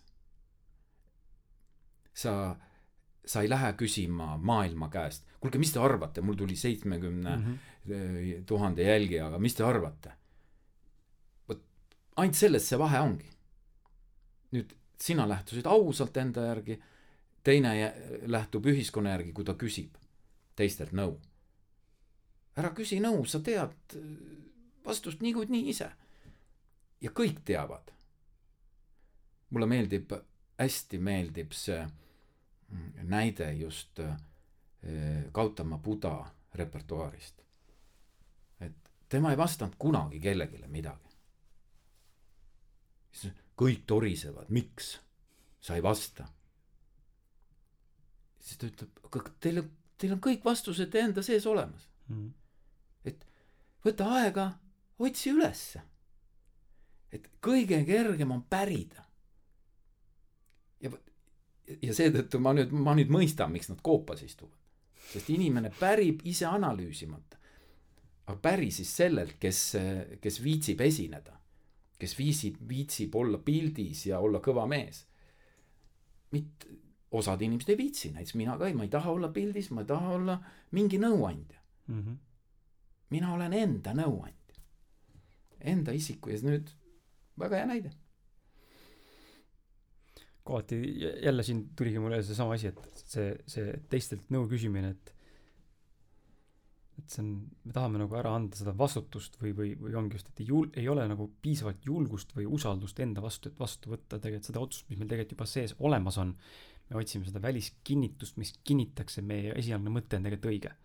aga see on juba, minu jaoks on see nii, nii pöörvõrdeline nagu valepidi töötav süsteem, et kui endal on mingi mõte juba sees olemas, on mingi tunne, siis tuleks hakata praktiseerima seda, et seda usaldada, et tee neid valikuid siis noh, et tee kümme korda, et usaldad ennast, vaata, mis on tulemus, kui ei tööta, siis, no siis proovi teistmoodi või, või siis kombineeri, ma ei tea noh. täpselt. aga kui sa lähed küsid või küsid nõu kellegilt, siis sa oled kogu aeg ebaaus enda vastu mm. -hmm. siis sa, sa ei leiagi üles seda. et, et, et alustage lihtsatest praktikatest ja võtke väikseid otsuseid ise vastu. ärge küsige kõike oma naiselt või oma mehelt. Võtke ise otsuseid vastu. tahtsin midagi öelda seoses sellega veel. midagi tahtsin veel öelda, aga mul ei tule meelde praegu ehm,. aa, tuli meelde, et tahtsin seda öelda, et ma olen ka siukest asja proovinud enda puhul äh, ja see on töötanud. näiteks sellel eelmisel tööametipostil, kui ma sain ametikõrgendust, pakuti mulle, siis oli minu otsus, kas võtta vastu või mitte võtta vastu nende tingimustega. ja siis ma oma peas mõtlesin välja enda tingimused kahes erinevas nagu variandis nende tingimustele siis nagu tuginedes või üles ehitades ja panin endale kirja need, et mul on see ka mõnikord aidanud. et kui on tõesti raske, ma ei suuda otsustada ja neid, neid aspekte, mille ümber see valik peaks tulema, on nagu nii palju, et ma ikkagi tahan mingil määral mõistusega midagi ratsionaliseerida või toetada, siis ma panen endale paberile kirja, ma näen, mis on selle valiku plussid ja miinused, mis on selle valiku plussid ja miinused. niimoodi mul on nagu sellises hetketes nagu väga palju lihtsam seda asja fookuses hoida ja aru saada, mis, mis see valik võib olla. jälle taaskord ma ei tea, mis see valik on, kui ma valin A või B, eks ole, aga ta annab mul, ta kas kinnitab mulle enda sisetunnet või ta annab mulle lihtsalt natuke parema mõistmise, mida ma umbes oodata saan sealt. ja kui ma suudan seda vaikselt enda peas teha, aga enam, enamasti nagu sa ütlesid ka, mul, mul töötab see enamasti enda sees. et ma ei, ma ei pea midagi kirjutama või, või kuskile midagi rääkima. Et selles mõttes on, on see, mis ma nagu saan soovitada, aga jälle noh, kõigile see võib-olla ei sobi lihtsalt ja kõik ei taha seda teha võib-olla. et sinnani jõuda, et aususeni enda sees jõuda, noh, väga, ikkagi väga palju tööd vaja teha endaga, alustada. et sa tead, et ma pole enda vastu aus, sa esitad iseendale eh, noh, nagu öeldakse, vaata, vaata enda sisse, noh, peeglisse vaatad mm, -hmm. eks ju, aga vaata enda sisse ja ainult sina näed, tead seda vastust ja ja, ja vot see tahe on põhiline, et sa pead pead suutma tahtma sa sisse vaadata. kui sa ei taha, siis ärge mind tülitama tulge mm. -hmm. sest see- keegi ei saa sind aidata, siis mine küsi isalt või emalt või ühiskonnalt. et, et seetõttu sinu juures, mis ma märkasin juba, kui sa alustasid neid saateid, et sul oli see tahe ole silmis olemas. ja, ja siin ma ütlengi, et noh, selleks, et nüüd kohe enda sisse minna, seda on jälle jõle kerge öelda ja jube paljud eh, seda nõu annavad, et muudkui vaata ka sisse ja siis hakka tööle. aga selleks on ka vaja hästi palju mm, noh, muid arusaamu enda sees kohendada ja jälgida ja muuta. noh, ma tooks, tooks ühe lihtsa jälle näite mm. -hmm. praktikast, et meil on, ma leian, et oluline on tuua näiteid, mis mis võiks töötada, ega ma ei tea, kas töötab, aga mis minul on töötanud. näiteks saada enda puhul ausamaks inimeseks, siis eh, mina valisin, teadsin, et selleks siis tuleb valida kasinam mõtteviis ja eluviis. sest kui sa oled kogu aeg nagu saamahimuline, et sul on kogu aeg uued unistused, siis sa ei saa enda ka tööd teha. see kogu aeg on sul nagu jalus see saamaimu. sa mõtled praegu materiaalsed unistused nii-öelda? ainult materiaalsed unistused, aga enamikul on raha ja seks ju mm -hmm. peas, eks ju, muud ei ole. et sul on nagu need jalus. et esmalt, et üldse enda vastu aus olla, ta peaks võtma mingid asjad nagu maha, mingid pinged enda seest maha. Sest vastasel juhul sa võrdled, on ju, teistega ennast kogu aeg ja nii. ja seetõttu mina olen enda puhul märganud, et kui ma valin kasina elustiili, eh, mul ei pea olema mitte midagi, mul on kõik nagu olemas siis on mul palju kergem kõikidest asjadest üle olla, aga, aga see oli mu esimene arusaam. aus, ausaks meheks saamise juures, et et kuna raha oli mind elus kõige rohkem mõjutanud, ma olen seda kõige rohkem taga ajanud, eks. aga, aga sa oled ka saanud? no see ei loe praegu mm. -hmm. ma olen seda taga ajanud ja järelikult see mõjutab mind kõige rohkem kõikides mm -hmm. asjades seetõttu valisin mina kasina eluviisi, et rahast täielikult üle saada. jah, see on oluline, raha oli oluline, aga ma teadsin seda juba noore mehena, et ma pean saama rahaliselt vabaks. See ei tähenda, et mul miljonid on, vaid rahaliselt vabaks lihtsalt, et mul on piisavalt. kui ma olen kasin, siis mul piisab ka ju kümnest tuhandest, eks mm. -hmm. aga tähtis oli saada nagu sellest raha meeletust mõjust minu vaimule lahti. sest oli liiga suur jõud. seetõttu ma alustasin kasina mõtteviisiga. no vot, see on nagu üks näide jälle, kuidas mina endas murdsin ära selle noh, ma pidin ausaks saama enda vastu, et muidu, muidu ma olin nagu rahast sõltuv, eks. ma polnud ju mina, ma olin mhm. kellestki mingist X rahast sõltuv see on hea näide tegelikult selles mõttes, et see sõna kasin, ma tean, ja, ja koonerdamine ja kokkuhoidmine ja e, alla enda võimete elamine. tohib, ma lisan? just, ma tahtsingi lisada, et kasin ei võrdu mm -hmm. mitte grammigi koonerdamisega. Kasin ongi, et sa ei mõtle, koonerdamine on ju see, et sa hoiad kinni. Eh, hoiad kinni, midagi ei tohi kangutada siin elus, hoiad kinni ja kui raha tuleb, pääseb lahti ja muudkui Ferrari'd, värgid mm, -hmm. kasin sa nagu ei unistagi. sul nagu puudub see soov. tahtsingi just sedasama lausega öelda, et see ongi see, et neil, nendel neljal sõnal, mis ma just kirjeldasin, tõmmatakse nagu par-, tugev paralleel, et kasin on justkui selline, et oh,, mis ma siis pean minema kolima kuskile, ma ei tea, ühetoalisesse viie ruutmeetrisse tuppa elama nelja lapsega, see ei ole see. et nüüd minnakse nagu äärmusse nende näidetega. aga inimestel puudubki arusaam sellest, mis asi on üldse kasin või siis alla oma võimete elamine, see on ka jälle seesama lause, mida mõistetakse väga valesti. alla võimete elamine ei tähenda, et sa vaene oled alla, alla võimete, ma ei sõnastaks nii mm. -hmm. tead, kui suur jõud on sõnal. Kui sa sõnastad nüüd natuke valesti, kõik saavad valesti mm -hmm. aru juba. et äh, alla oma võimete tähendab, äh, sa millestki loobud. jälle vale. sa ei tohi elus loobuda millestki. kasin on pigem see, et sa ei, sul on kõik olemas. sa lähtud enda sees, mul on kõik ju olemas. Indrek, mida ma veel tahan siin maailmas? mul on ju kõik olemas. mul on päike, mul on tuba, mul on kõik. Mulle tundub, mulle tundubki, et mingil määral, ma võin eksida, aga mulle tundub, et see loobumine, mis on nii-öelda hetkepildis vale suures pildis, on võib-olla ülemineku etapp selleks, et äh, mõista seda, et mul tegelikult ei olegi vaja. et ma ise näen enda puhul vähemalt seda sellises kontekstis, et ma alles jälle üks päev kirjutasin Facebooki postituse, viimasel ajal tuleb hästi palju erinevaid mõtteid, mida ma saan äh, jagada ja, ja ma kasutan neid uues, uues hetkel kirjutatud raamatus ka. aga tuligi see mõte, et mul oli pilt, kus ma jalutasin siis oma naise lapse poole, kes oli mäe peal äh, ja ma olin seljaga siis kaamera poole. ja, ja siis oli mul mõte, mis see pildiga nagu tekkis, oli see, et kõik, kõik, mis mul vaja on mu silme ees. ja mitte, mitte nagu otseselt selle pildi kontekstis, mul on ainult pere vaja, vaid just see kontekst, et kui me kui me suudaks nagu seda, seda teadlikkust tuua, mis sa just kirjeldasid ka, et tegelikult on soe tuba, toit on olemas, mul on piisavalt, jälle piisavalt on inimese jaoks erinev, eks ole, aga piisavalt raha, et hakkama saada ära elada. Ja, ja just jõuda selle, sellele tasemele, mul ei ole vaja enam jahtida neid unistusi või mis võib-olla mul näiteks viissada aastat tagasi olid. ma mäletan väga hästi, millised meie unistuste nimekirjad olid viissada aastat tagasi, mul on siiamaani alles need veel. ja kui ma vaatan tänast nimekirja, ma panin nüüd eest enda järgmise aasta eesmärgid kirja mul ei ole ühtegi materiaalset asja seal kirjas, mida tahan saavutada, välja arvatud autovahetus, mis on vaja, sest et mul on auto väikseks jäänud tõre tõttu. ebamugav on liigelda. Aga vanasti olid seal ikkagi ka Ferrari'd ja sportautod ja miljon eurot ja, ja ettevõtted, mis toovad sulle aastas, ma ei tea, miljon dividendi ja mingid absurdsed mõtted, no kõik on seotud materiaalsete asjadega. mind täna absoluutselt ei huvita. ja, ja mulle andis kogemust ja kinnitust seesama mittevajadus enam siis, kui ma käisin seal Lõuna-Euroopas poolteist aastat tagasi. kui ma elasin kolm kuud kasinalt nagu nii-öelda autos oma naisega Äh, lihtsalt nautides maailma ja, ja loodust ja iseennast ja olles vaikuses, olles omades piisavalt palju raha, et ära süüa, ellu jääda, olla, nautida, teha midagi, aga minus oli meeletu rahu.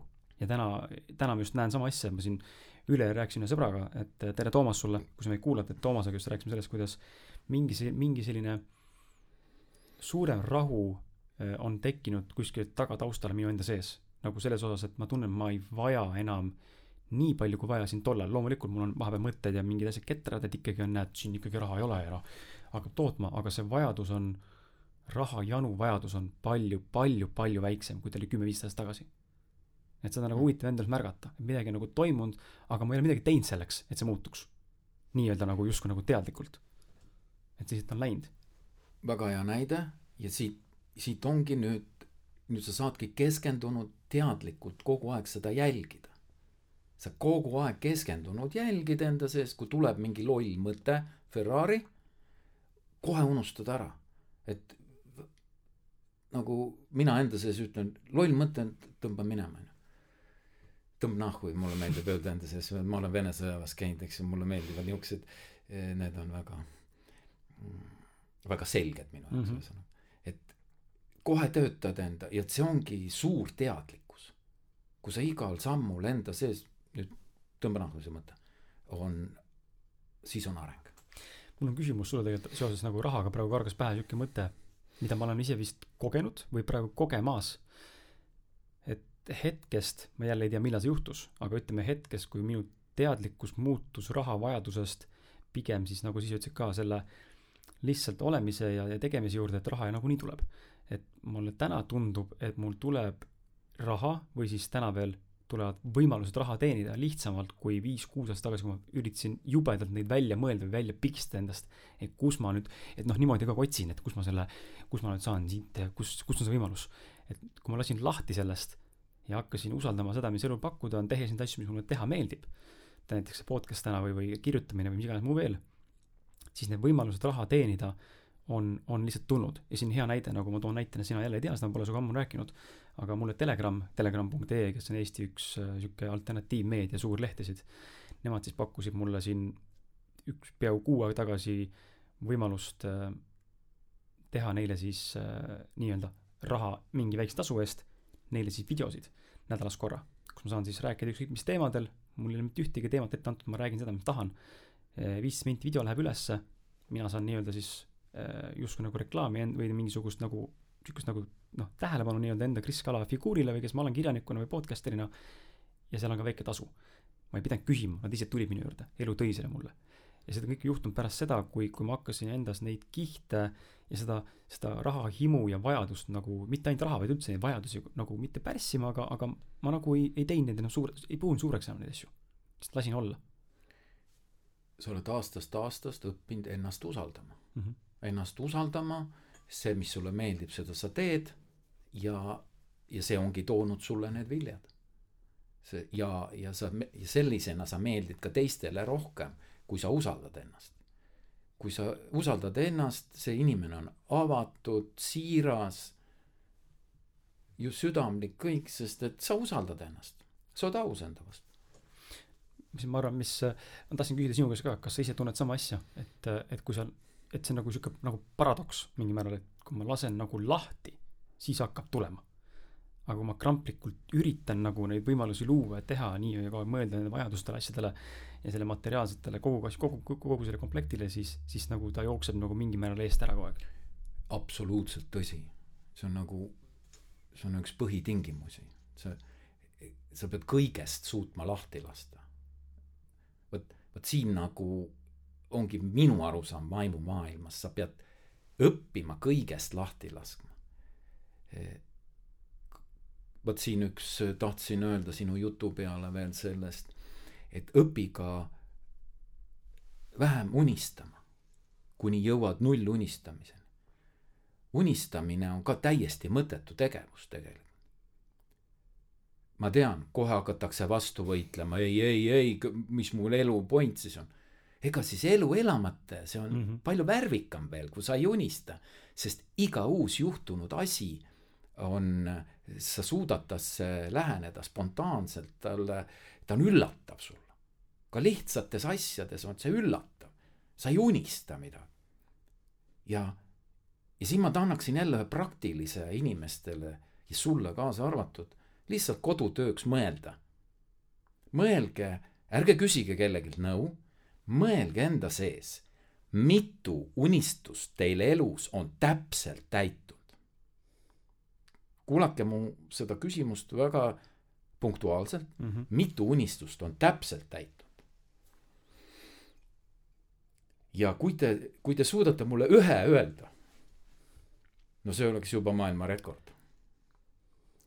sest et minu, ma ütlen, mul on väga palju sellistel, sellistes vestlustes vastuolusid, inimesed ei mõista mind. aga hakake nüüd võtke ennast ette, ärge, ärge teisi analüüsige, võtke ennast. mina, mina noh, vot eelmiseski saates ma rääkisin näiteks autod. esimene mõte on, ma tahan autot näiteks, kõik ju saavad lõpuks auto mm. -hmm. esimene unistus on, et ma tahan saada üle võimete autot. seda kõige kõvemat. jaa, mul on küll Škoda, aga tal peab olema nahk, särgid, särgid, värgid. Siis lähed letti, onju, leti äärde, seal on okei okay,, plööš, see sobib ka juba pole unistus täitunud. vot ma tahan selle näite puhul tuua, et ärme räägi autost kui üldiselt, vaid räägime detailidest. Te ei saa kunagi seda autot, mida te olete unistanud täpselt, sest alati jääb tuhat eurot õnnest puudu. mul üks sõber ütleb hästi, kümme tuhat jääb alati täielikust õnnest puudu, eks. ja, aga see oleks üks kodutöö enda aususega tegelemisel ärge rääkige kellegiga, lihtsalt mõelge enda sees, mitu unistust teil on reaalselt täitunud. aga, aga küsimus selle kasinuse kohta, et äh, mis on sinu kogemus, Indrek, või, või mida me saame siis soovitada täna siis selles kontekstis, et kuidas siis jõuda või kuidas teha neid esimesi samme selles suunas, et mul hakkaks neid vajadusi vähemaks jääma? mis võiks olla see praktika nii-öelda?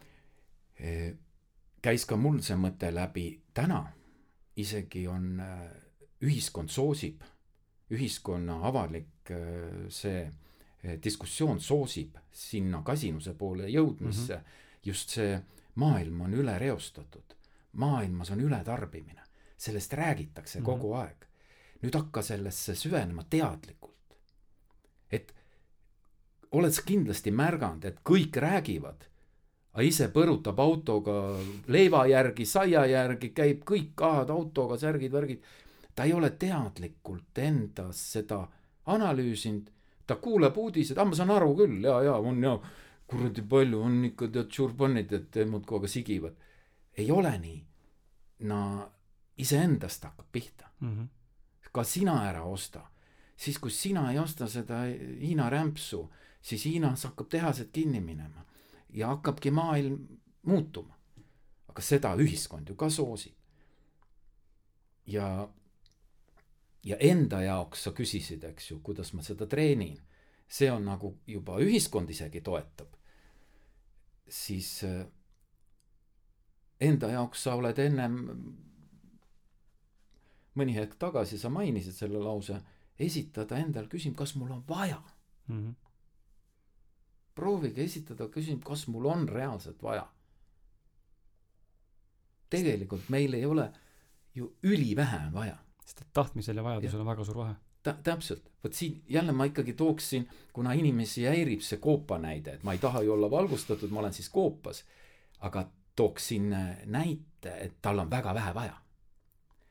ega ta siis seal ainult ei istu, ta töö, toimetab, ta teeb oma peenart, tal on oma tegemised kui süüa ei ole, no siis see päev ei söö, aga ma ikkagi, ta toimetab selle vähese nimel. ja tal on hästi vähe vaja. meie lähtume oma ühiskonna kontekstis, meil on vaja noh, ikkagi korterit ja autot ja seda kõike on vaja. aga ära üle võlli võta. võta, võta nagu võimetekohased asjad, no aga isegi alla võlli natuke, võta hästi võimetekohane asi e ma tooksin siin, kui ma juba autost rääkisin, toon ühe näite, mm, mis on jälle, mis aitaks vaimsu, vaimset maailma arendada inimesel. näiteks kui sa võtad, inimesed võtavad üle vindiautod mm. -hmm. võtame lihtsad näited, kõik me, kõik me armastame autosid, võtame üle võlli auto. siis kas sa kujutad ette praegu, sul seda hetkel ei ole, aga kas sa kindlasti kujutad ette, kuidas nad muretsevad selle pärast mm? -hmm ta on sul Lasnamäel või Mustamäel maja ees, Audi kuradi Q7 a la liising, kaskod, särgid, värgid peal. mis sa arvad, kas ta, omanik muretseb? ma arvan, et ta vaatab aknast välja ka kogu aeg vaatab. just nimelt, aga see on elus lisamure. et ja kui sa tarbid eri asju, siis on need lisamured, sul on mopeed, sul on HTV, sul on paat mõtle, mis kuhi sul on muresid. sa ei saa sellest äh, koormast iial lahti ju, sa oled selle kuhi all vanglas. ja, ja siin, vot siin ma toongi selle kasinuse näite, ma tahtsin kõigest sellest murest vabaneda. see oli, see on nagu mõttetu mure. aga selleks ma treenisin ennast kasinamaks. et mul pole ju vaja. ma sõidan täna stiilsete autodega, aga klassikaliste autodega, vanadega. teen nad korda, aga mul ei ole isegi signat peal. mul on lihtsalt võtmest kinni ja kui valmis ja ma ei mõtle selle peale. Läks ära, noh, mis seal ikka. ja ma tegin selle, selle otsuse sellepärast, et mitte mõelda. mitte erutuda mingi auto pärast mm. -hmm täna sa tulid üldse, rat, üldse rattaga meile kohale? ma sõidan nüüd ainult rattaga linnas. ja Tallinnas ma sõidan ainult rattaga. meil on tegelikult täna on meil kolmkümmend detsember, nii et äh, noh, süvatalvel nii-öelda, et tegelikult ei ole mingeid vabandusi isegi. neli kraadi no. väga head riided on tänapäeval, väga head riided on müügil, nii et äh, aga rattas on mul kahel põhjusel, üks asi on see, et kasin ka, et ma ei taha kulutada kütust ja ei ole vaja mm. -hmm. aga teine on ka see, et ta on minu minu meditatsiooni osa mm. -hmm. ma teen väga palju tunde meditatsiooni päevas, aga see on mu meditatsiooni osa.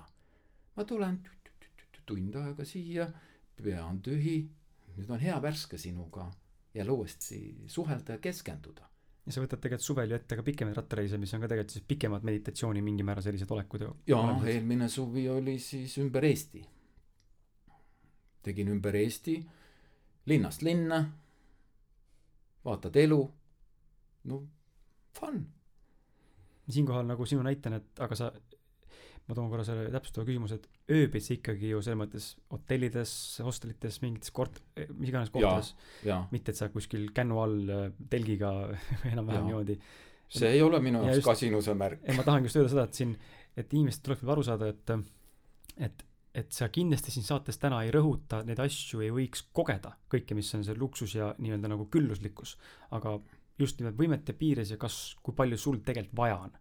et kui ma olen õnnelik, ma ei tea, mingi uue Volvoga, siis mul ei ole Ferrarit vaja, näiteks. et just see mhm. kontekst, mitte et sa ei piira nagu kogemust.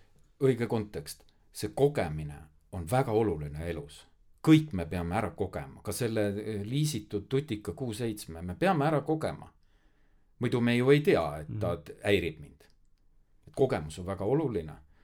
ja, ja, ja sealt tuleb siis see äh, mm, siis enda jaoks selgus, et no aga näiteks äkki paljusid ei, ei kurna see au, auto mm -hmm. vaatamine kakskümmend neli, seitse aknast, eks, välja.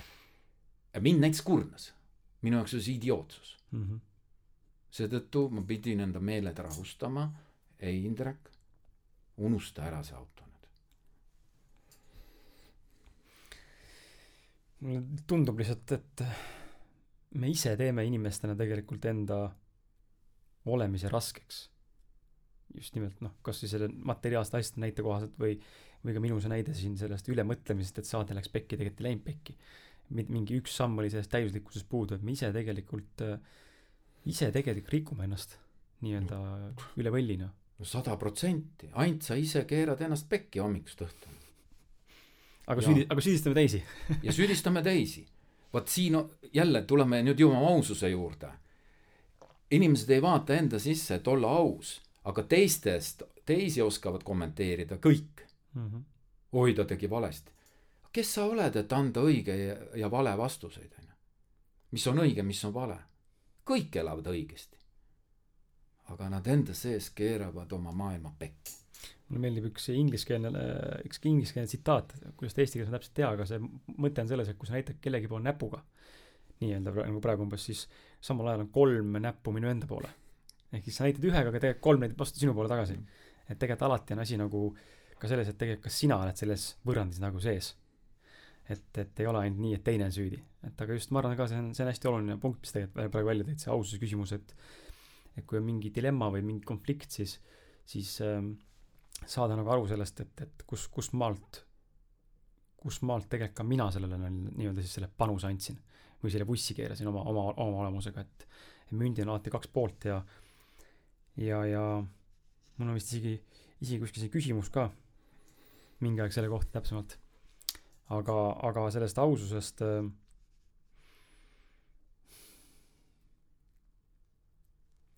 ma korra vaatan neid küsimusi.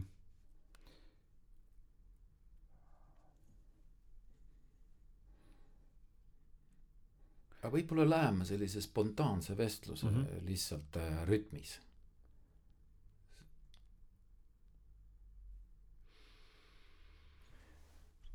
et et nagu igas äh,, igas asjus äh, ma soo-, noh, mina olen enda sees. mul on kaks väga tähtsat asja, mille, mille ma olen eluaeg, mille poole püüelnud, on vabadus ja spontaansus, eks ju, et. et tegelikult spontaansuses peitubki see kergus mm, -hmm. see elu kergus. ja, ja siin, siin ongi see asi, mida inimesed ei tee enda sees. Nad kõike planeerivad. kõik on planeerinud, plaanimajandus aga sealt tekib raskus ja pinge. kasvõi sa otsid praegu küsimust, sul tekib raskus, et mõte jäi seisma mm. -hmm. ja sealt tekivad need pinged, spontaanselt, no tuleb nagu tuleb, noh. alati, kui lõpuks on saade valmis, polegi väga hull. nii, alati, alati, alati on niimoodi alati on, eks ju. kunagi ei ole see, et pff, täitsa sassi läks kõik. et. et kuna mina olen täna teist korda juba siin et, et minult, sul ei ole mõistlik ju küsida a la kosmos ja energiavoolud, ma ei tea sellest midagi. Räägiks niivõrd inimlikel ja, ja inimeste eh, noh, kõik oleme, aga mul on üks hea, räägime inimeseks olemise tasandist mm. -hmm. mul on üks väga-väga hea asi meenub Osho ütlusest. kõik inimesed on seest ühesugused aga väljast on kõik erinev. seest on tegelikult kõik ühesugused. Nüüd vaata, millised siin, milline me ühiskonnas me oleme, eks ju mm -hmm., me kõik ajame ju ühte asja taga. kõik vaatavad üheksakordse maa aknast oma autosid, kõik no seest on palju sarnasust. ja, ja vot sealt tulebki minu jaoks see vaimsuse vaimsete iidolite nagu, nemad tahtsid sealt välja rebida natuke. et ei, see ei saa nii raske olla, see elu ei tohi nii raske olla. Me peame kergemalt suutma seda elada mm. -hmm. ja sellepärast on need vaimsed teooriad välja mõeldud ja tekkinud, kas mõeldud, et nad on tekkinud, sest et inimene tahab elada kergemalt. jälginud loodust ja nii need on tekkinud.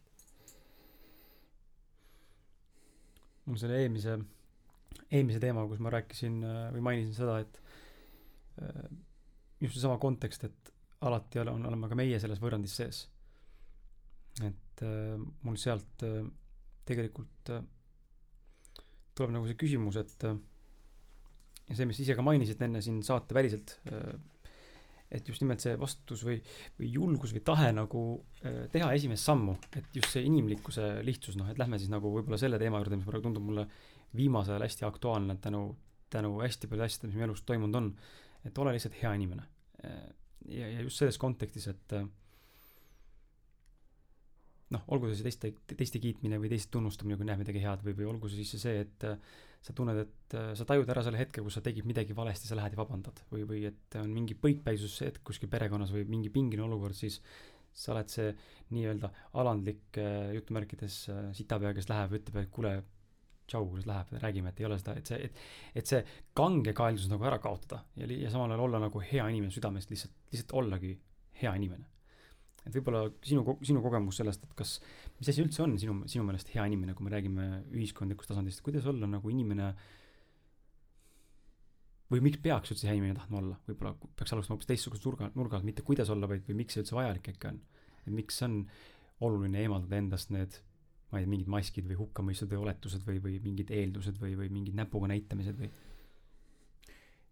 see läheb nüüd äh, minu jaoks samasse rubriiki, täpselt samasse rubriiki, kes tahab endaga tööd teha ja kes ei taha mm -hmm. oma vaimumaailmaga. sest et äh, vaim, vaimsete, vaimsete nende kunstide omandamine, see tähendab üleolemine kõigest, siis sa muutud automaatselt, äh, juba muutudki heaks ja südamlikuks inimeseks. sest kui sa elad meditatsioonis, nagu mittemõtlemises, ja kui su ette midagi tuleb, sa keskendud, siis sa keskendud ainult sellele hetkele, sellele inimesele, sellele olukorrale, sellele tööle ja lähed jälle meditatsiooni tagasi nagu noh, meditatsioon on äkki raske sõna, ütleme siis sinna lõõgastunud mittemõtlevasse olekusse. kohalollu lõ-, enda sisse lõõgastunud olekusse. jälle ma ei tohi kunagi kasutada sõna lõdvestunud. Inimesed saavad kohe valesti aru, ma olen nagu mingi zombi. lödi zombi, eks ju. ei ole, see on niivõrd terane olek. ma lähen enda sisse lõõgastunud olekusse. nüüd, kui sa oled selles lõõgastunud olekus, aga lõõgastunud olengus ei ole hinnanguid. sa ei anna hinnangut, oi, see tegi valesti, oi, vaata, mis tal seljas on. sa ei anna, sest sa ei hinda teda, sest sa oled lõõgastunud olekus. järelikult kõlab ju juba õigesti, et mm -hmm. sul on juba hea süda. ja, ja ta ongi, ta tekib, see headus hakkab kasvama mägede kõrguseks. sest sa ei anna hinnanguid. sa oled inimestele olemas tingimusteta. kogu ühiskond elab tingimustega, aga tegelikult, kui sa enda sees avastad, et tingimusteta noh, kõike võtad tingimusteta. Sa ei kujuta ette, mis kergus see on. no see on nagu, see on nagu nii kerge elada, et, et mina tagasi ei taha mitte kuskile enam mm. -hmm. kui keegi mulle pakuks Ferrari't, ma ütlen, mida ma teen sellega. et ma, ma ei taha mitte kuskile tagasi ja sealt tekibki see soov või mitte soov ei ole ka õige, vaid see tekib automaatselt äh, sa oled lugupidav kõige vastu, kõiksuse vastu, no kõige, kõige absoluutselt. See lihtsalt tekib. ja siis mul ei ole kunagi ka vaja vabandada. sellepärast, et ma mitte kunagi ei tee viga mm -hmm. ja ma ei tee juba, juba elustiili tõttu viga. sest et mul on, mul on kõik tingimusteta ja mul on kõik, noh, ma ei anna hinnanguid. ja, aga see on nii seda peab lihtsalt uskuma. Ka usud mind või mitte, on sinu probleem, aga, aga mina sellesse uskusin ja täna ma tean, et see on nii. ja siis me ei pea iial vabandama. aga selge see, sinnani ongi jälle vaja millestki alustada. ja ole mees ja ole üle ja kui sa tegid vea, noh, sa siis vabanda. see on juba väga suur samm ja aga see, kes ei taha minna nende teooriatesse süvits süvitsi, ütleb, ah, see on eh, noh, see ei ole mulle või see on mm -hmm. mõttetu. Nende sees eh, on tihtilugu see teiste ironiseerimine, kurjus okei okay.. sest talle meeldib kohe selles mullis olla. talle kohe meeldib tead, saaks sitasti öelda ja ja tema, nemad ei tegele endaga ja nemad jäävad eluks ajaks selliseks. aga nad ei märka, et nad on ise piinapingis, sest see, kes ütleb sitasti, on kogu aeg mürki täis seestpoolt. ta on mürki täis, tal on nagu, ta on nagu igal sammul noh, teiste vastu, aga nagu sa ütlesid, kolm näppu nende suunas. kui ta peeglisse vaatab, siis tal tuleb sealt nagu no, ajab välja. ajab välja, peeglis, kes see värdjas on. Et äh, saad aru mu pointist, eks, et, et tegelikult ega ta enda sees on ka keeb nagu katel. seda, seda on väga, seda on huvitav olnud näha kõikide nende aastate jooksul, kui ma olen hakanud vaatlema, mis nagu toimub ümberringi ja enda sees ka. et mu viimane, minu viimane postitus Facebooki, see töö otsimise postitus, ma jagasin sulle ka neid pilte, kus ma kirjutasin töökuulutuse nii-öelda CV-na tekstina. Et seda, see seal plahvatas ja sinna see kommentaarium on nagu Delfi tagatuba, et äh, noh, seal ikkagi oli päris, päris äh, vulgaarseid asju kirjutati mulle negatiivses toonis just see, et pritsiti sappi nii-öelda jubedalt mürki mulle. siis kui sa vaatad seda inimese käekirja ja näiteks ta pilti või temast mingit seda asja, siis sa nagu näed ära tegelikult selle, kui palju see inimeses tegelikult on iseendaga rahulolematust. ta temast, temast kiirgab välja see, et ta ei tegelikult noh, võib-olla vihkamine on ülekantud tähenduses, aga et nagu ta ei ole üldse rahul iseendaga. Ja nüüd ta, nüüd ta valab sellised välja, sest ta ei oska teistmoodi midagi muud teha. Mida võib-olla selliste inimeste juures äh, oskame, oskame nagu soovitada, sest ma tean, et kindlasti väga paljud on kogenud selliseid situatsioone, äh, tõmmates nagu selle situatsiooni või selle inimese kirjelduse paralleeliks sinna, kui sa lähtud ainult oma südamest, siis hakkab olema väga palju neid, kes ei toeta sind, kuidas nagu sa, sa, kuidas nendesse inimestesse suhestuda paremini. kuidas neid paremini mõista võib-olla, sest mulle tundub, et teiste inimeste mõistmine on ka jällegi see, kus me tegelikult suudame hakata aktsepteerima ja aru saama, et tegelikult nad ei tee halba nagu meelega, vaid sellist on nende loomuses täna mina nend-, nend-, selliste tüüpidega ei suhtle näiteks. siin saate alguses sa ütlesid, et see on üksildane tee ja kinnitan, on. ma olen suht erak, olen omas maailmas ja, aga see maailm on mulle ilus mm. -hmm. Need, kellega ma kokku puutun, on mulle ilus. Üks variant on minu puhul näiteks, ma ei suhtle. kui ta ei saa oma mürgist üle, ma ei suhtle, sest et ta toob mu sellest, minu sellest rahulolust välja. et ma ei pea seda õigeks. ma ei saagi aru, mida ta ütleb selle mürgiga, eks, et ma ei pea seda õigeks. ja ma olen väga kategooriline, noh, ma olen väga aus enda vastu, no ma võin täna öelda, et tõesti, ma olen väga-väga aus ja ma kat-, kohe keeran selja. Ma elan nii, nagu mu süda ütleb, kui inimene on vastik, ma keeran selja ja ma ei suhtle muidugi oi, mõeldakse nii ja naapidi. Nemad võivad mõelda, aga mina ei mõtle ka temast halvasti. ma ei mõtle kellestki halvasti, sest et mul on tast kahju pigem, sest tema sees kõik keeb mm. -hmm. see on nagu üks versioon, üks soovitus, sa küsisid, et kuidas mhm. läheneda mm. -hmm. teine soovitus, ma ei tea, mulle tundub elus üks, üks väga-väga kihvt mõte, mis on mis on nende vaimsete teooriate juurest läbi käinud. ära vaata peeglisse. ära vaata peeglisse.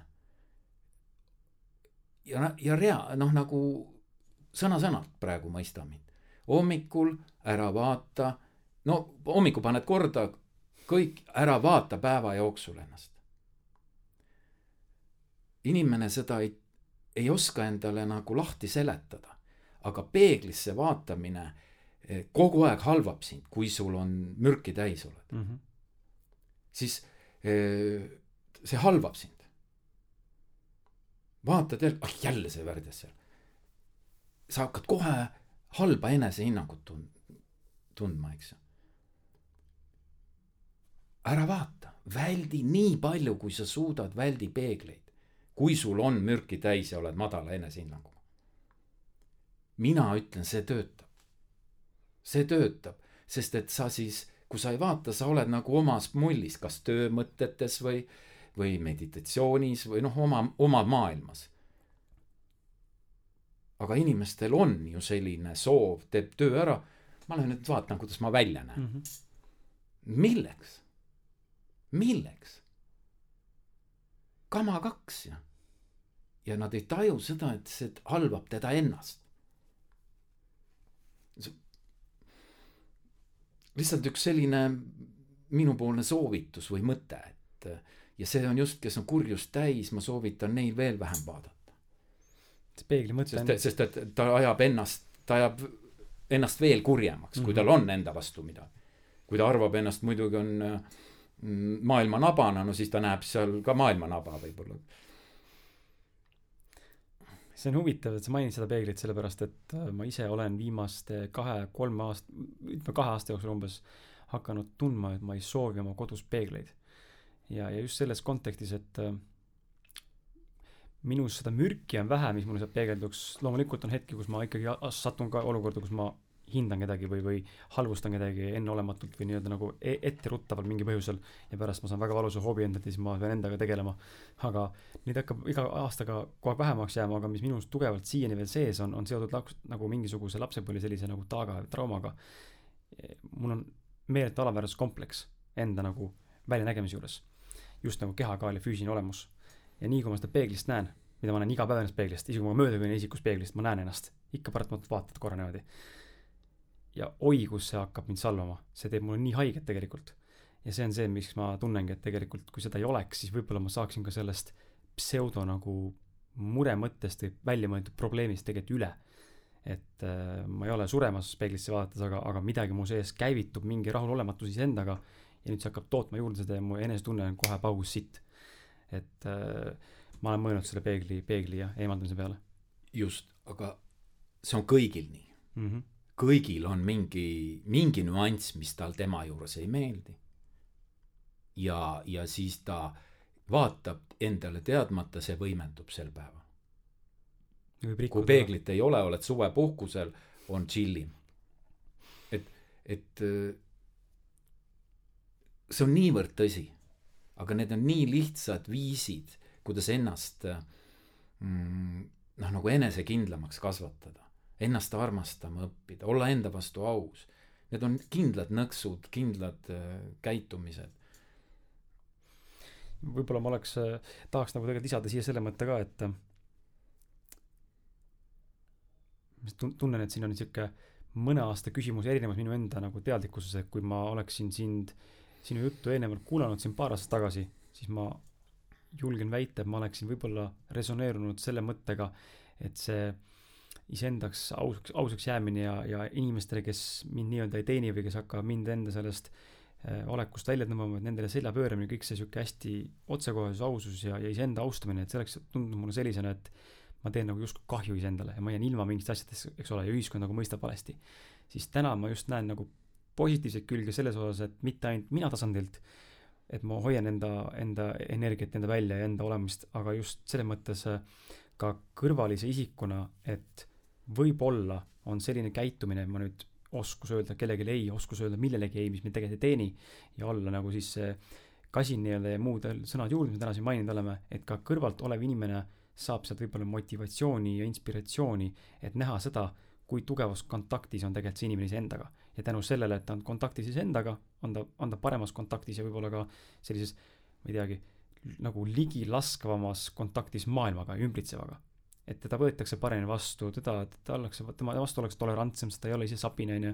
ta hoiab eemale küll, aga näed, tal on ikkagi inimesi ümber mingi, kes tast hoolivad, kes on tal lähedased, et pigem, pigem vähe hea, kui palju sitad on ja niisugune mentaliteet nii-öelda sõprade või tuttavate ümber. ja et just see valgus, et, et näha nagu asja positiivseid külge ka, kui keegi tahab olla eraklik et vaadata seda, kuidas tegelikult ta austab iseennast ja austab tegelikult ka sind või siis teist keskkonda üldse enda ümber. et niisuguse mõtted tulid pähe nagu. täpselt, täpselt õiges suunas. Täpselt õiges suunas lähened. ma olen, ma olen võib-olla eraklikku mainisin ainult seetõttu, et ma elan üksi mm. -hmm. aga mul on ümber väga palju inimesi. ja vot siin ma tooksin korra veel selle mõtte, et kõik inimesed on seest sarnased ja väljast erinevad. see sarnane ses mõttes, et äh, ma näen, kui mina ütlen sulle ausalt, kuna sa küsid, äh, ma absoluutselt ei anna hinnanguid ja olen kõigist hooliv ja armastav. inimesed kohe tunnevad selle ära. Nad tajuvad selle ära. sest et me oleme seest ju sarnased, me tajume ära nii südamlikkuse kui sapisuse, me tajume kõike ära, sest me oleme sees sarnased. see kõik on meis endas olemas. see meis on olemas mm., et me tahame olla ju kõik ka head ju. ja oleme tahtnud kõik sapised olla. Ja ta tajub ära ja seetõttu on, on minu ümber veel rohkem inimesi tekkinud. aga ma olen üksi selles mõttes, et noh, mul ei ole kakskümmend neli seitset, ma ei mm -hmm. suudagi olla. sest et siin tuleb see vabaduse nüanss mängu, et et inim- pea, inimene peab saama olla ka üksi mm. -hmm. et, et, et siin näiteks äh, viia nüüd nagu mingid vaimsed teooriad ellu pereinimestes, sellesse ma siiski veel ei usu mm. -hmm.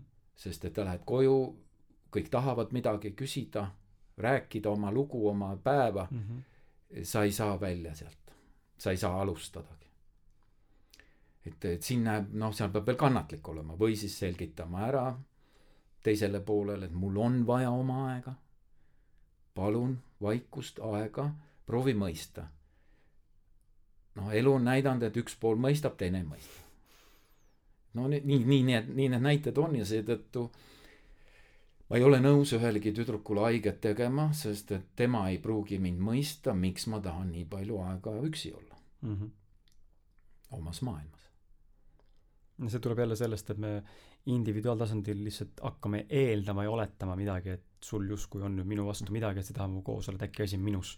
äkki täpselt, hakkab seda eeldama mm -hmm. ja teine, teine hakkab mulle nagu ette, ette kirjutama. no kuule, eile sa olid ju tund mm -hmm. aega meditatsioonis, täna ole pool tundi. sellist asja ei tohi teha. ükskõik, mida mina, kes elan sada prossa südame järgi, teen, teine pool peab mõistma mm. -hmm. Ja mina garanteerin, et mina mõistan. ma garanteerin, ükskõik, mis ei ole, mina tean, kui teisel on see soov, siis ela. aga noh, kolmas, kolmas variant on see, et võib-olla tulevikus üks kolmekümne, neljakümne aasta pärast on niimoodi, et äh, terve pere koos lastega on niimoodi, et on vaikuses ollakse kodus ja antaksegi ruumi üksteisele, et võib-olla see on täna juba aktuaalne kuskil, ei tea ju sa oled siin eelmiste, eelnevate külalistega arutanud seda, et kas võiks juba lapsepõlves alustada. ja see on, see on ääretult õige. ma pean seda äärmiselt vajalikuks. näiteks äh, oma noorema pojaga käib minu juures nädalavahetustel. pühapäeval istume ikkagi mingi viis tundi a la vaikuses. meil ei käi ükski muusikamasin ja pojake võtab seda väga rahulikult noh, ta on küll nutis, aga ka tund aega saab lugeda raamatut, siis teine tund joonistab. ja ta ei küsi ühte sõna mu käest mm. -hmm. et tal on nagu ja ilma mitte trennita, vaid ta on mind näinud kõrvalt mm. -hmm. E, läbi eeskuju. läbi eeskuju, ma tahan, ma olen vait kogu aeg, eks ju, kas teen köögis midagi, pusin oma asjadega seal, loen raamatut. ja ta, ta ei sega mind. tal tuli see nagu, ma muidugi ei tea mis ta maailmas toimub.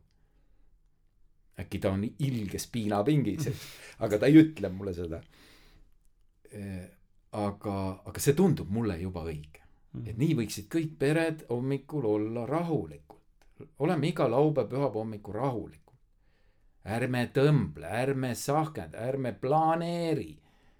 no kõik see virvarr tuleks vahetada puhk-, lõõgastumise vastu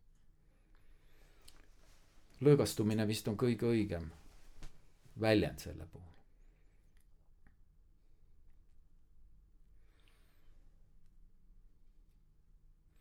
see on huvitav jah, ma vist püüan nagu mõelda, et ma olen eelnevalt üritanud ka mõelda, huvitav, et kuidas mina oma lapsele peaksin hakkama näitama seda, seda maailma, millesse mina usun nii-öelda, aga ma saangi seda ainult näidata läbi, läbi selle, kes ma olen. ma ei saa talle pähe panna mingit infot ega, ega seletada, kuidas peab, vaid ta jälgib ja vaatleb ja, ja kui see talle kõnetab, siis ta teeb seda samamoodi võib-olla isegi. täpselt õige lähenemine, selles mõttes, et, et miks sa peaksidki talle oma maailma näitama mm., ta näeb ju. ega, ega lapsed on kõige leidlikumad, kõige terasemad. Nad näevad kõike. et, et, et lihtsalt ole, ole lihtsalt hea issi kui sa talle, kui sa talle ei taha paha, ta, ta ei suuna kogu aeg, siis sa oled automaatselt armastav isi. kui sa suunad, loed moraali, õpetad, no siis sa oled out, eks. ta ei ütle seda, aga noh, tal ei teki sellist respekti ja mm, -hmm. ja mhm. tõelist armastust. mul siin, ise ei olnud kaasas, aga elukaaslane rääkis mulle siin, käis üks poolteist nädalat tagasi kohaliku valla mingil jõulupeol lastega, sihuke väike ruum ja korraldati mingi väike sihuke olemine vallalastele, et äh, kuna me seal Väätsa kandis elame, siis seal ei ole eriti teha midagi aeg-ajalt ja ja siis läks, läks ta sinna lapsega ja, ja ongi huvitav näha, kuidas meile räägitakse, et kui laps kasvab üksinda, mida meie laps täna väga palju teeb, tal ei ole ümber olevaid inimesi või teisi nagu lapsi väga palju, siis et äh, kui ta on üksinda ja lasteaias ei käi, siis ta sotsiaalselt ei saa nii-öelda. aga tänu sellele, et meie lapsega igapäevaselt suhtleme, räägime sisuliselt kõike, mida me teeme, ma isegi lähen temaga jalutama, siis ma võin ta jalutamise ajal näiteks rääkida, mis me praegu teeme ja miks me jalutame siin ja miks on jalutamine hea ja no mis iganes, ma nagu räägin hästi palju lapsega, räägiks nagu räägiks nagu täiskasvanud inimesega, selgitan hästi palju asju. Ma tean, et Aru võib-olla täna kõike ei saa, aga alateadvus midagi mõistab. ja, ja huvitav oli näha, et elukaaslane ütles ka, et nii kui ta sinna ruumi läks, siis oli näha, et ta oli nagu teadlikult kõige sotsiaalsem laps üldse üle ruumi. ta läks kohe sotsialiseeruma, polnud mitte mingit tõrget, et laps, et pole nagu varem teist titat näinud või kohe oli sotsiaalne mänguasju katsuma tegema, kätt suruma seal olema kohe ja ta on aasta-kolmekuune ainult. ja siis äh, elukaaslane ütles ka, et tema sinna läks, siis ta nägi, kuidas et ta otsustas seda teha niimoodi, et laps läheb sinna ja laps lihtsalt on ta istub ise nurgas ja vaatab. laseb lapsel toimetada seal tegevuste sees. seal olid mingid kasvatajad ja mänguasjad, mis tehti seal, eks ole, ja palju vanemaid teisi lapsi ka. aga ütles, mis ta nägi, nagu üks suur muster oligi see, et, et kui tema lasi lapsel olla, meie tütrele siis lihtsalt olla, kogeda seda, mis ta kogeb seal, ega ta seal ju pea peale ei kuku kohe, on ju, või ei tee seal kukerpalli või mis iganes. aga et lasta ta olla tal omas elemendis, tunnetada keskkonda, ja siis ta nägi, kuidas teised vanemad olid seal, mõned vanemad olid reaalselt noh, niimoodi, et enam-vähem käed olid kogu aeg lapse küljes igat tegevust nagu kontrollis, et head lapse ees klotse paika pannud. et ütles ka, et nii kurb oli näha, kuidas ei antud lapsele üldse ruumi nagu olla või nagu kogeda seda maailma selles mõttes, et läbi tema enda prisma nii-öelda. et see on jälle sihuke huvitav näha, et meil on, meil ongi hirm, ma arvan, meil ongi mingi, mingil määral hirm nagu lasta elul tulla ükskõik mis valdkonnas ja samal ajal on nagu selline soov kõike kontrollida ja planeerida. me ei suuda nagu lasta ära seda võimalust käest, et, et aga mis siis, kui ma lasen vabaks ja usaldan lihtsalt ennast ja enda valikut? Nad tõid väga, väga õige teema sisse, et kogu, kogu inimkonda kontrollib hirm. no jälle kodutöö kõigile, vaadake ennast, mitut asja päevas te kardate. Kontrollib hirm kõiki inimesi. ja, ja see ongi kõik üks suure, suur põhjus paljude hädade alguseks et kui nüüd sa ei, nii ei karda, siis laps saab ju vabalt kasvada, laps saab va vabalt areneda, näitena, mis sa tõid.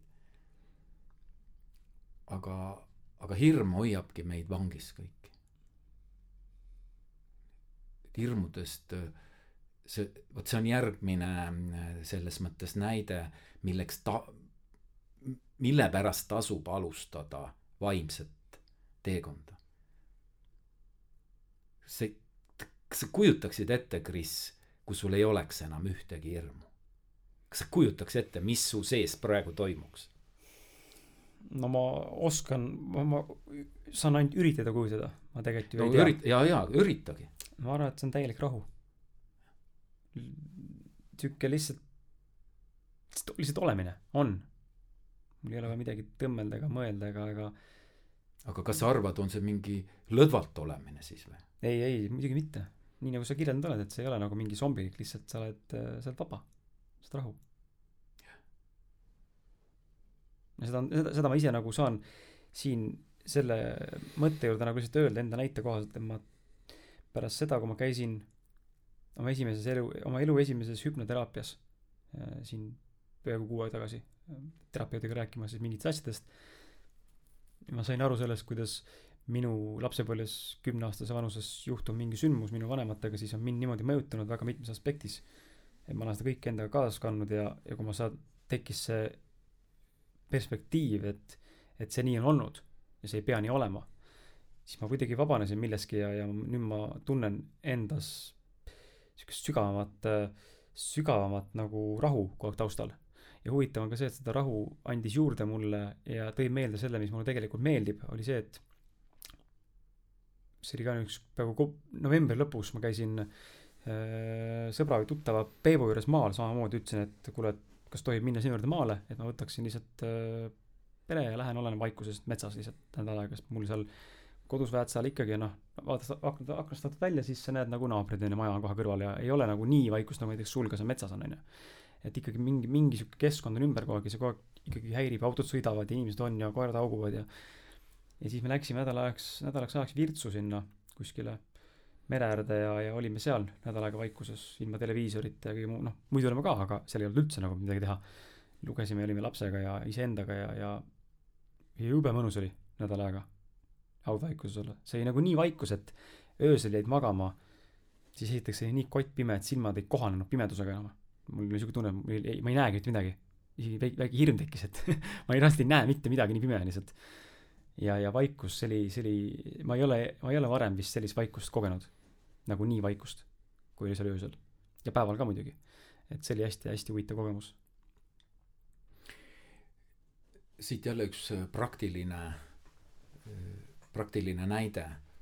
ma olen äh, sinu saateid enim kuulanud ja mõningat arvustustki seal lugenud. keegi vend kirjutas, et ma olin mingi kuu aega metsas ja mul oli nagu vapši on ju kopp ees ja kõik Eh, see, see tegelikult ongi minu arvates eh, vale lähenemine. seda nii, nagu me soovitame, et algaks eh, seitsmendast, kaheksandast eluaastast lapse jaoks meditatsioon, peab ka nüüd täiskasvanud inimene hakkama seda tegema väikeste annustena korraga mm. -hmm et see minna, kõik see kõlab nagu kangutamisena, minna, kuhu nädal aega oled ilma, see on nii, on piinapink, seda pole vaja siis sa saad sinna minna, kui sul on nagu põhi täiega all, eks. et aga, et üldse, kes soovib alustada, mina leian, võtke, võtke päevas see aeg. näiteks kuulsin statistikat, inimene on keskmiselt seitse tundi nutis. ta, ta on jõude tegelikult seal, ta on, ta ei tee midagi, aga on seitse tundi nutis. aga hakake treenima, olge üks pluss üks tundi vaikuses, meditatsioonis, õppige seda ja viis tundi nutis. no ega see viis tundi on ka aeg ju tegelikult. piisab, et seal kõik äh, läbi lugeda. tegelikult kümne minutiga sa saad kõik asjad teada, aga et võtta lihtsalt see aeg, et kui sa, kui sa tahad ennast mm -hmm. äh, muuta, võta see väike ajake iga päev ja läheb paar aastat, paar-kolm aastat mööda, kui sa selle vaikuse ja rahuga sina peale saad, siis on vastupidi. viis tundi meditatsioonis ja kaks tundi nutis. et ja see ei ole kangutamine mm. -hmm. et kõike siin ähm, elus äh, minu arust ei tohi teha kangutades läbi valu. ei, ei tohi väga teha. see, see kannatamine on teistmoodi, aga noh, nagu, nagu, nagu kangutada ei tohi mm. -hmm. aga kuidas saada aru, kas ma kangutan või ei kanguta? no kas sa teed vastumeelselt või ei tee vastumeelselt? See on ju kõige lihtsam. see on kõige lihtsam. sa saad ju aru, kas see oli vastumeel, kas sa näiteks, ütle, mitu päeva sa olid Virtsus? seitse. seitse. kas sul kuuenda päeva õhtul oli koju igatsus? juba viiendal oli juba viiendal tegelikult oli kopp ees. no see on puhtakujuline kangutamine vot siin ongi, et kui te öö, see, mis näite ma nüüd tahtsingi tuua. et, et inimene on ikkagi ka täielikult looduse laps. kuulame seda mm,, kuidas meid loodud on, et kuulame neid hääli, kuidas meid loodud on. üks hea näide on näiteks äh, no söö, söö siis, kui sul on isu. Äh, sedasi on meid loodus loonud. aga mis asi on paastumine? paastumine on keegi välja mõelnud. Ei, nüüd, nüüd me paastume. või ei söö üldse või paastume. et aga meid ei ole ju loodud niimoodi, et põder metsas ju ei paastu päeval. et et selge see, et ühiskond võib-olla tekitas selle paastumise seetõttu, et inimesed läksid ogaraks oma külluses mm. -hmm. ja ka tänapäeva maailm näitab, kõik on ogarad, kõik tarbivad. aga, ja seetõttu oli vaja paastuda, aga kui sa lähed endasse, oled enda suhtes aus, siis ma ei söö ülegi ju. ma söön nii palju, kui mul vaja on mm. -hmm. sest kui su vaim ja keha on ühel levelil, eh, kui su vaim on kõrgem, kõrgel levelil, siis sa hindad oma keha ka ju. sa ei, ei kurna teda, sa, sa tunnetad ära, mis ta tahab ja mis ta ei taha mm. -hmm. vot see mõte sellest siis kangutamisest. väga hea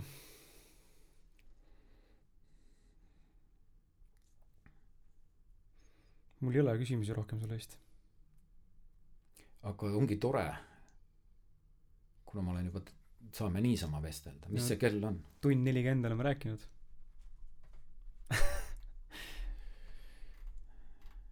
võime anda sulle, võin sulle anda võimaluse lõpusõnada midagi lisada, kui sa soovid, kui sul on midagi lisada, mida me täna ei puudutanud või sa tegelikult tahaksid võib-olla korra üle käia veel? sul, no jah sul endal ei ole ühtegi sellist, eh, mida sa tahaks lahata, jah? no ma siit võin võtta mõned paberi pealt, aga ma ei tea, millised need on ja mis sind kõnetaksid. aga teeme jah, mulle meeldib tegelikult selline vabam, eh, vabam vorm.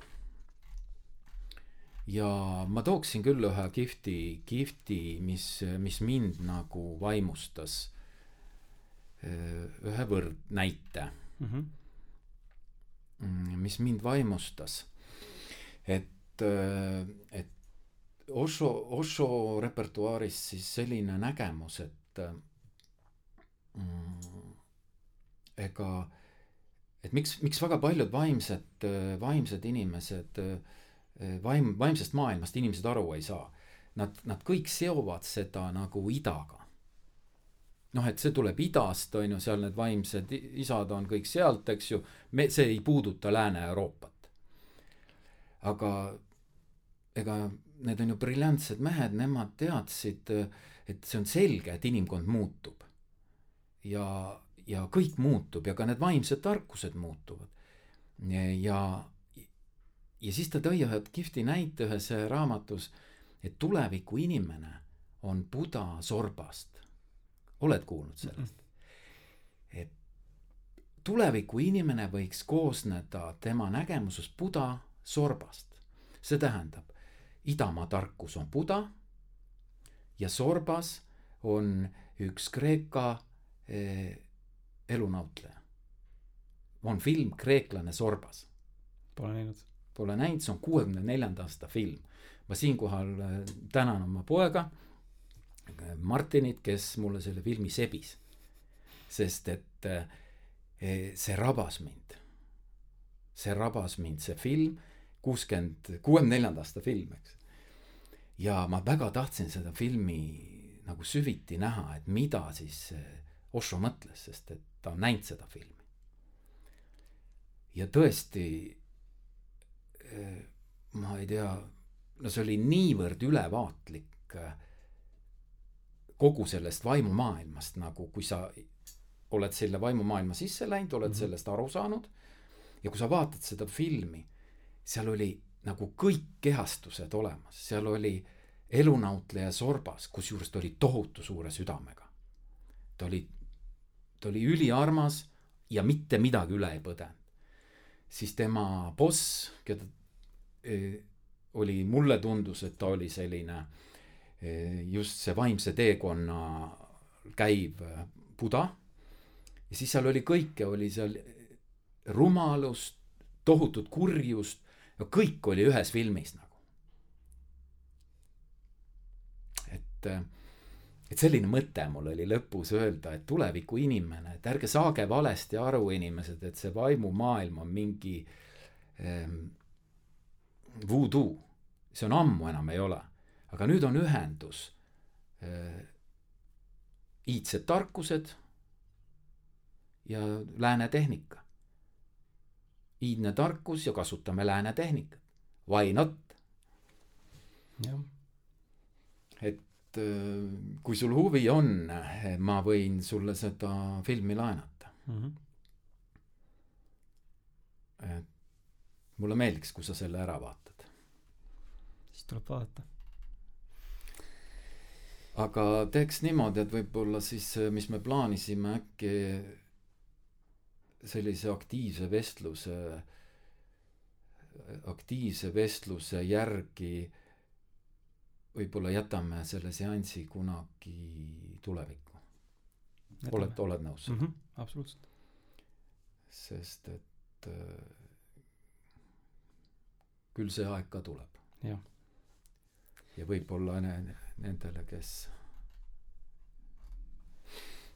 nii et täna kutsumast. jaa, ja teile ka, armsad kuulajad, et kui, kui see, see mõte meditatsioonist äh, meeldis, siis äh, meil oli mõte teha siin sihuke kümne-viieteistminutiline vaikuses, vaikuses olemine siin saates teiega koos, et kui see mõte sind kõnetab, kui sa praegu seda siin kuulad, siis äh, anna kindlasti ausad mehed, kas siis ausad mehed at gmail.com või Facebooki kaudu mulle teada ja, ja siis äh, mine tea, äkki saame ära korraldada selle ka kuidagi lihtsalt, lihtsalt sellise väikse, väikse saate, nagu see ongi. väike selline mõnus äh, teistmoodi, teistmoodi saade. kõik on võimalik, et, et aga aitäh sulle, et sa kuulasid meid, tund nelikümmend viis pidasid vastu, see saade, Indrek läks sisuliselt samasse ajaauku, mis oli meie esimene saade äh, jutuajamise mentoriga üks, täna siis jutuajamise mentoriga vol kaks. et äh, tundub, et see on selline sobiv, sobiv aeg, lühem on parem alati. kontsentreeritum. pikk väsitab. aga aitäh sulle, et sa kuulasid ja, ja kui sa leidsid siit mingit väärtust, siis äh, ole hea, jaga seda saadet vähemalt ühe enda sõbraga või sõbrannaga või too meile keegi kuulama siia saadet, kes võiks ka siit saatest väärtust leida, et mina tundsin täna, et see on üks, taaskord üks, üks parimaid, mida ma salvestanud olen, kuidagi hästi in-, in-, inimtasandil. mulle see just väga meeldib, et äh, see, see, ma usun, et see kõnetas ka sind, hea kuulaja, ja, ja pani mõtlema. Ning äh, egas muud ei ole midagi, kohtume juba järgmisel reedel, kui mitte varem ja sulle aga head uut aastat. tšau, aitäh kutsumast, Kris, ja kõigile head uut aastat. aitäh sulle.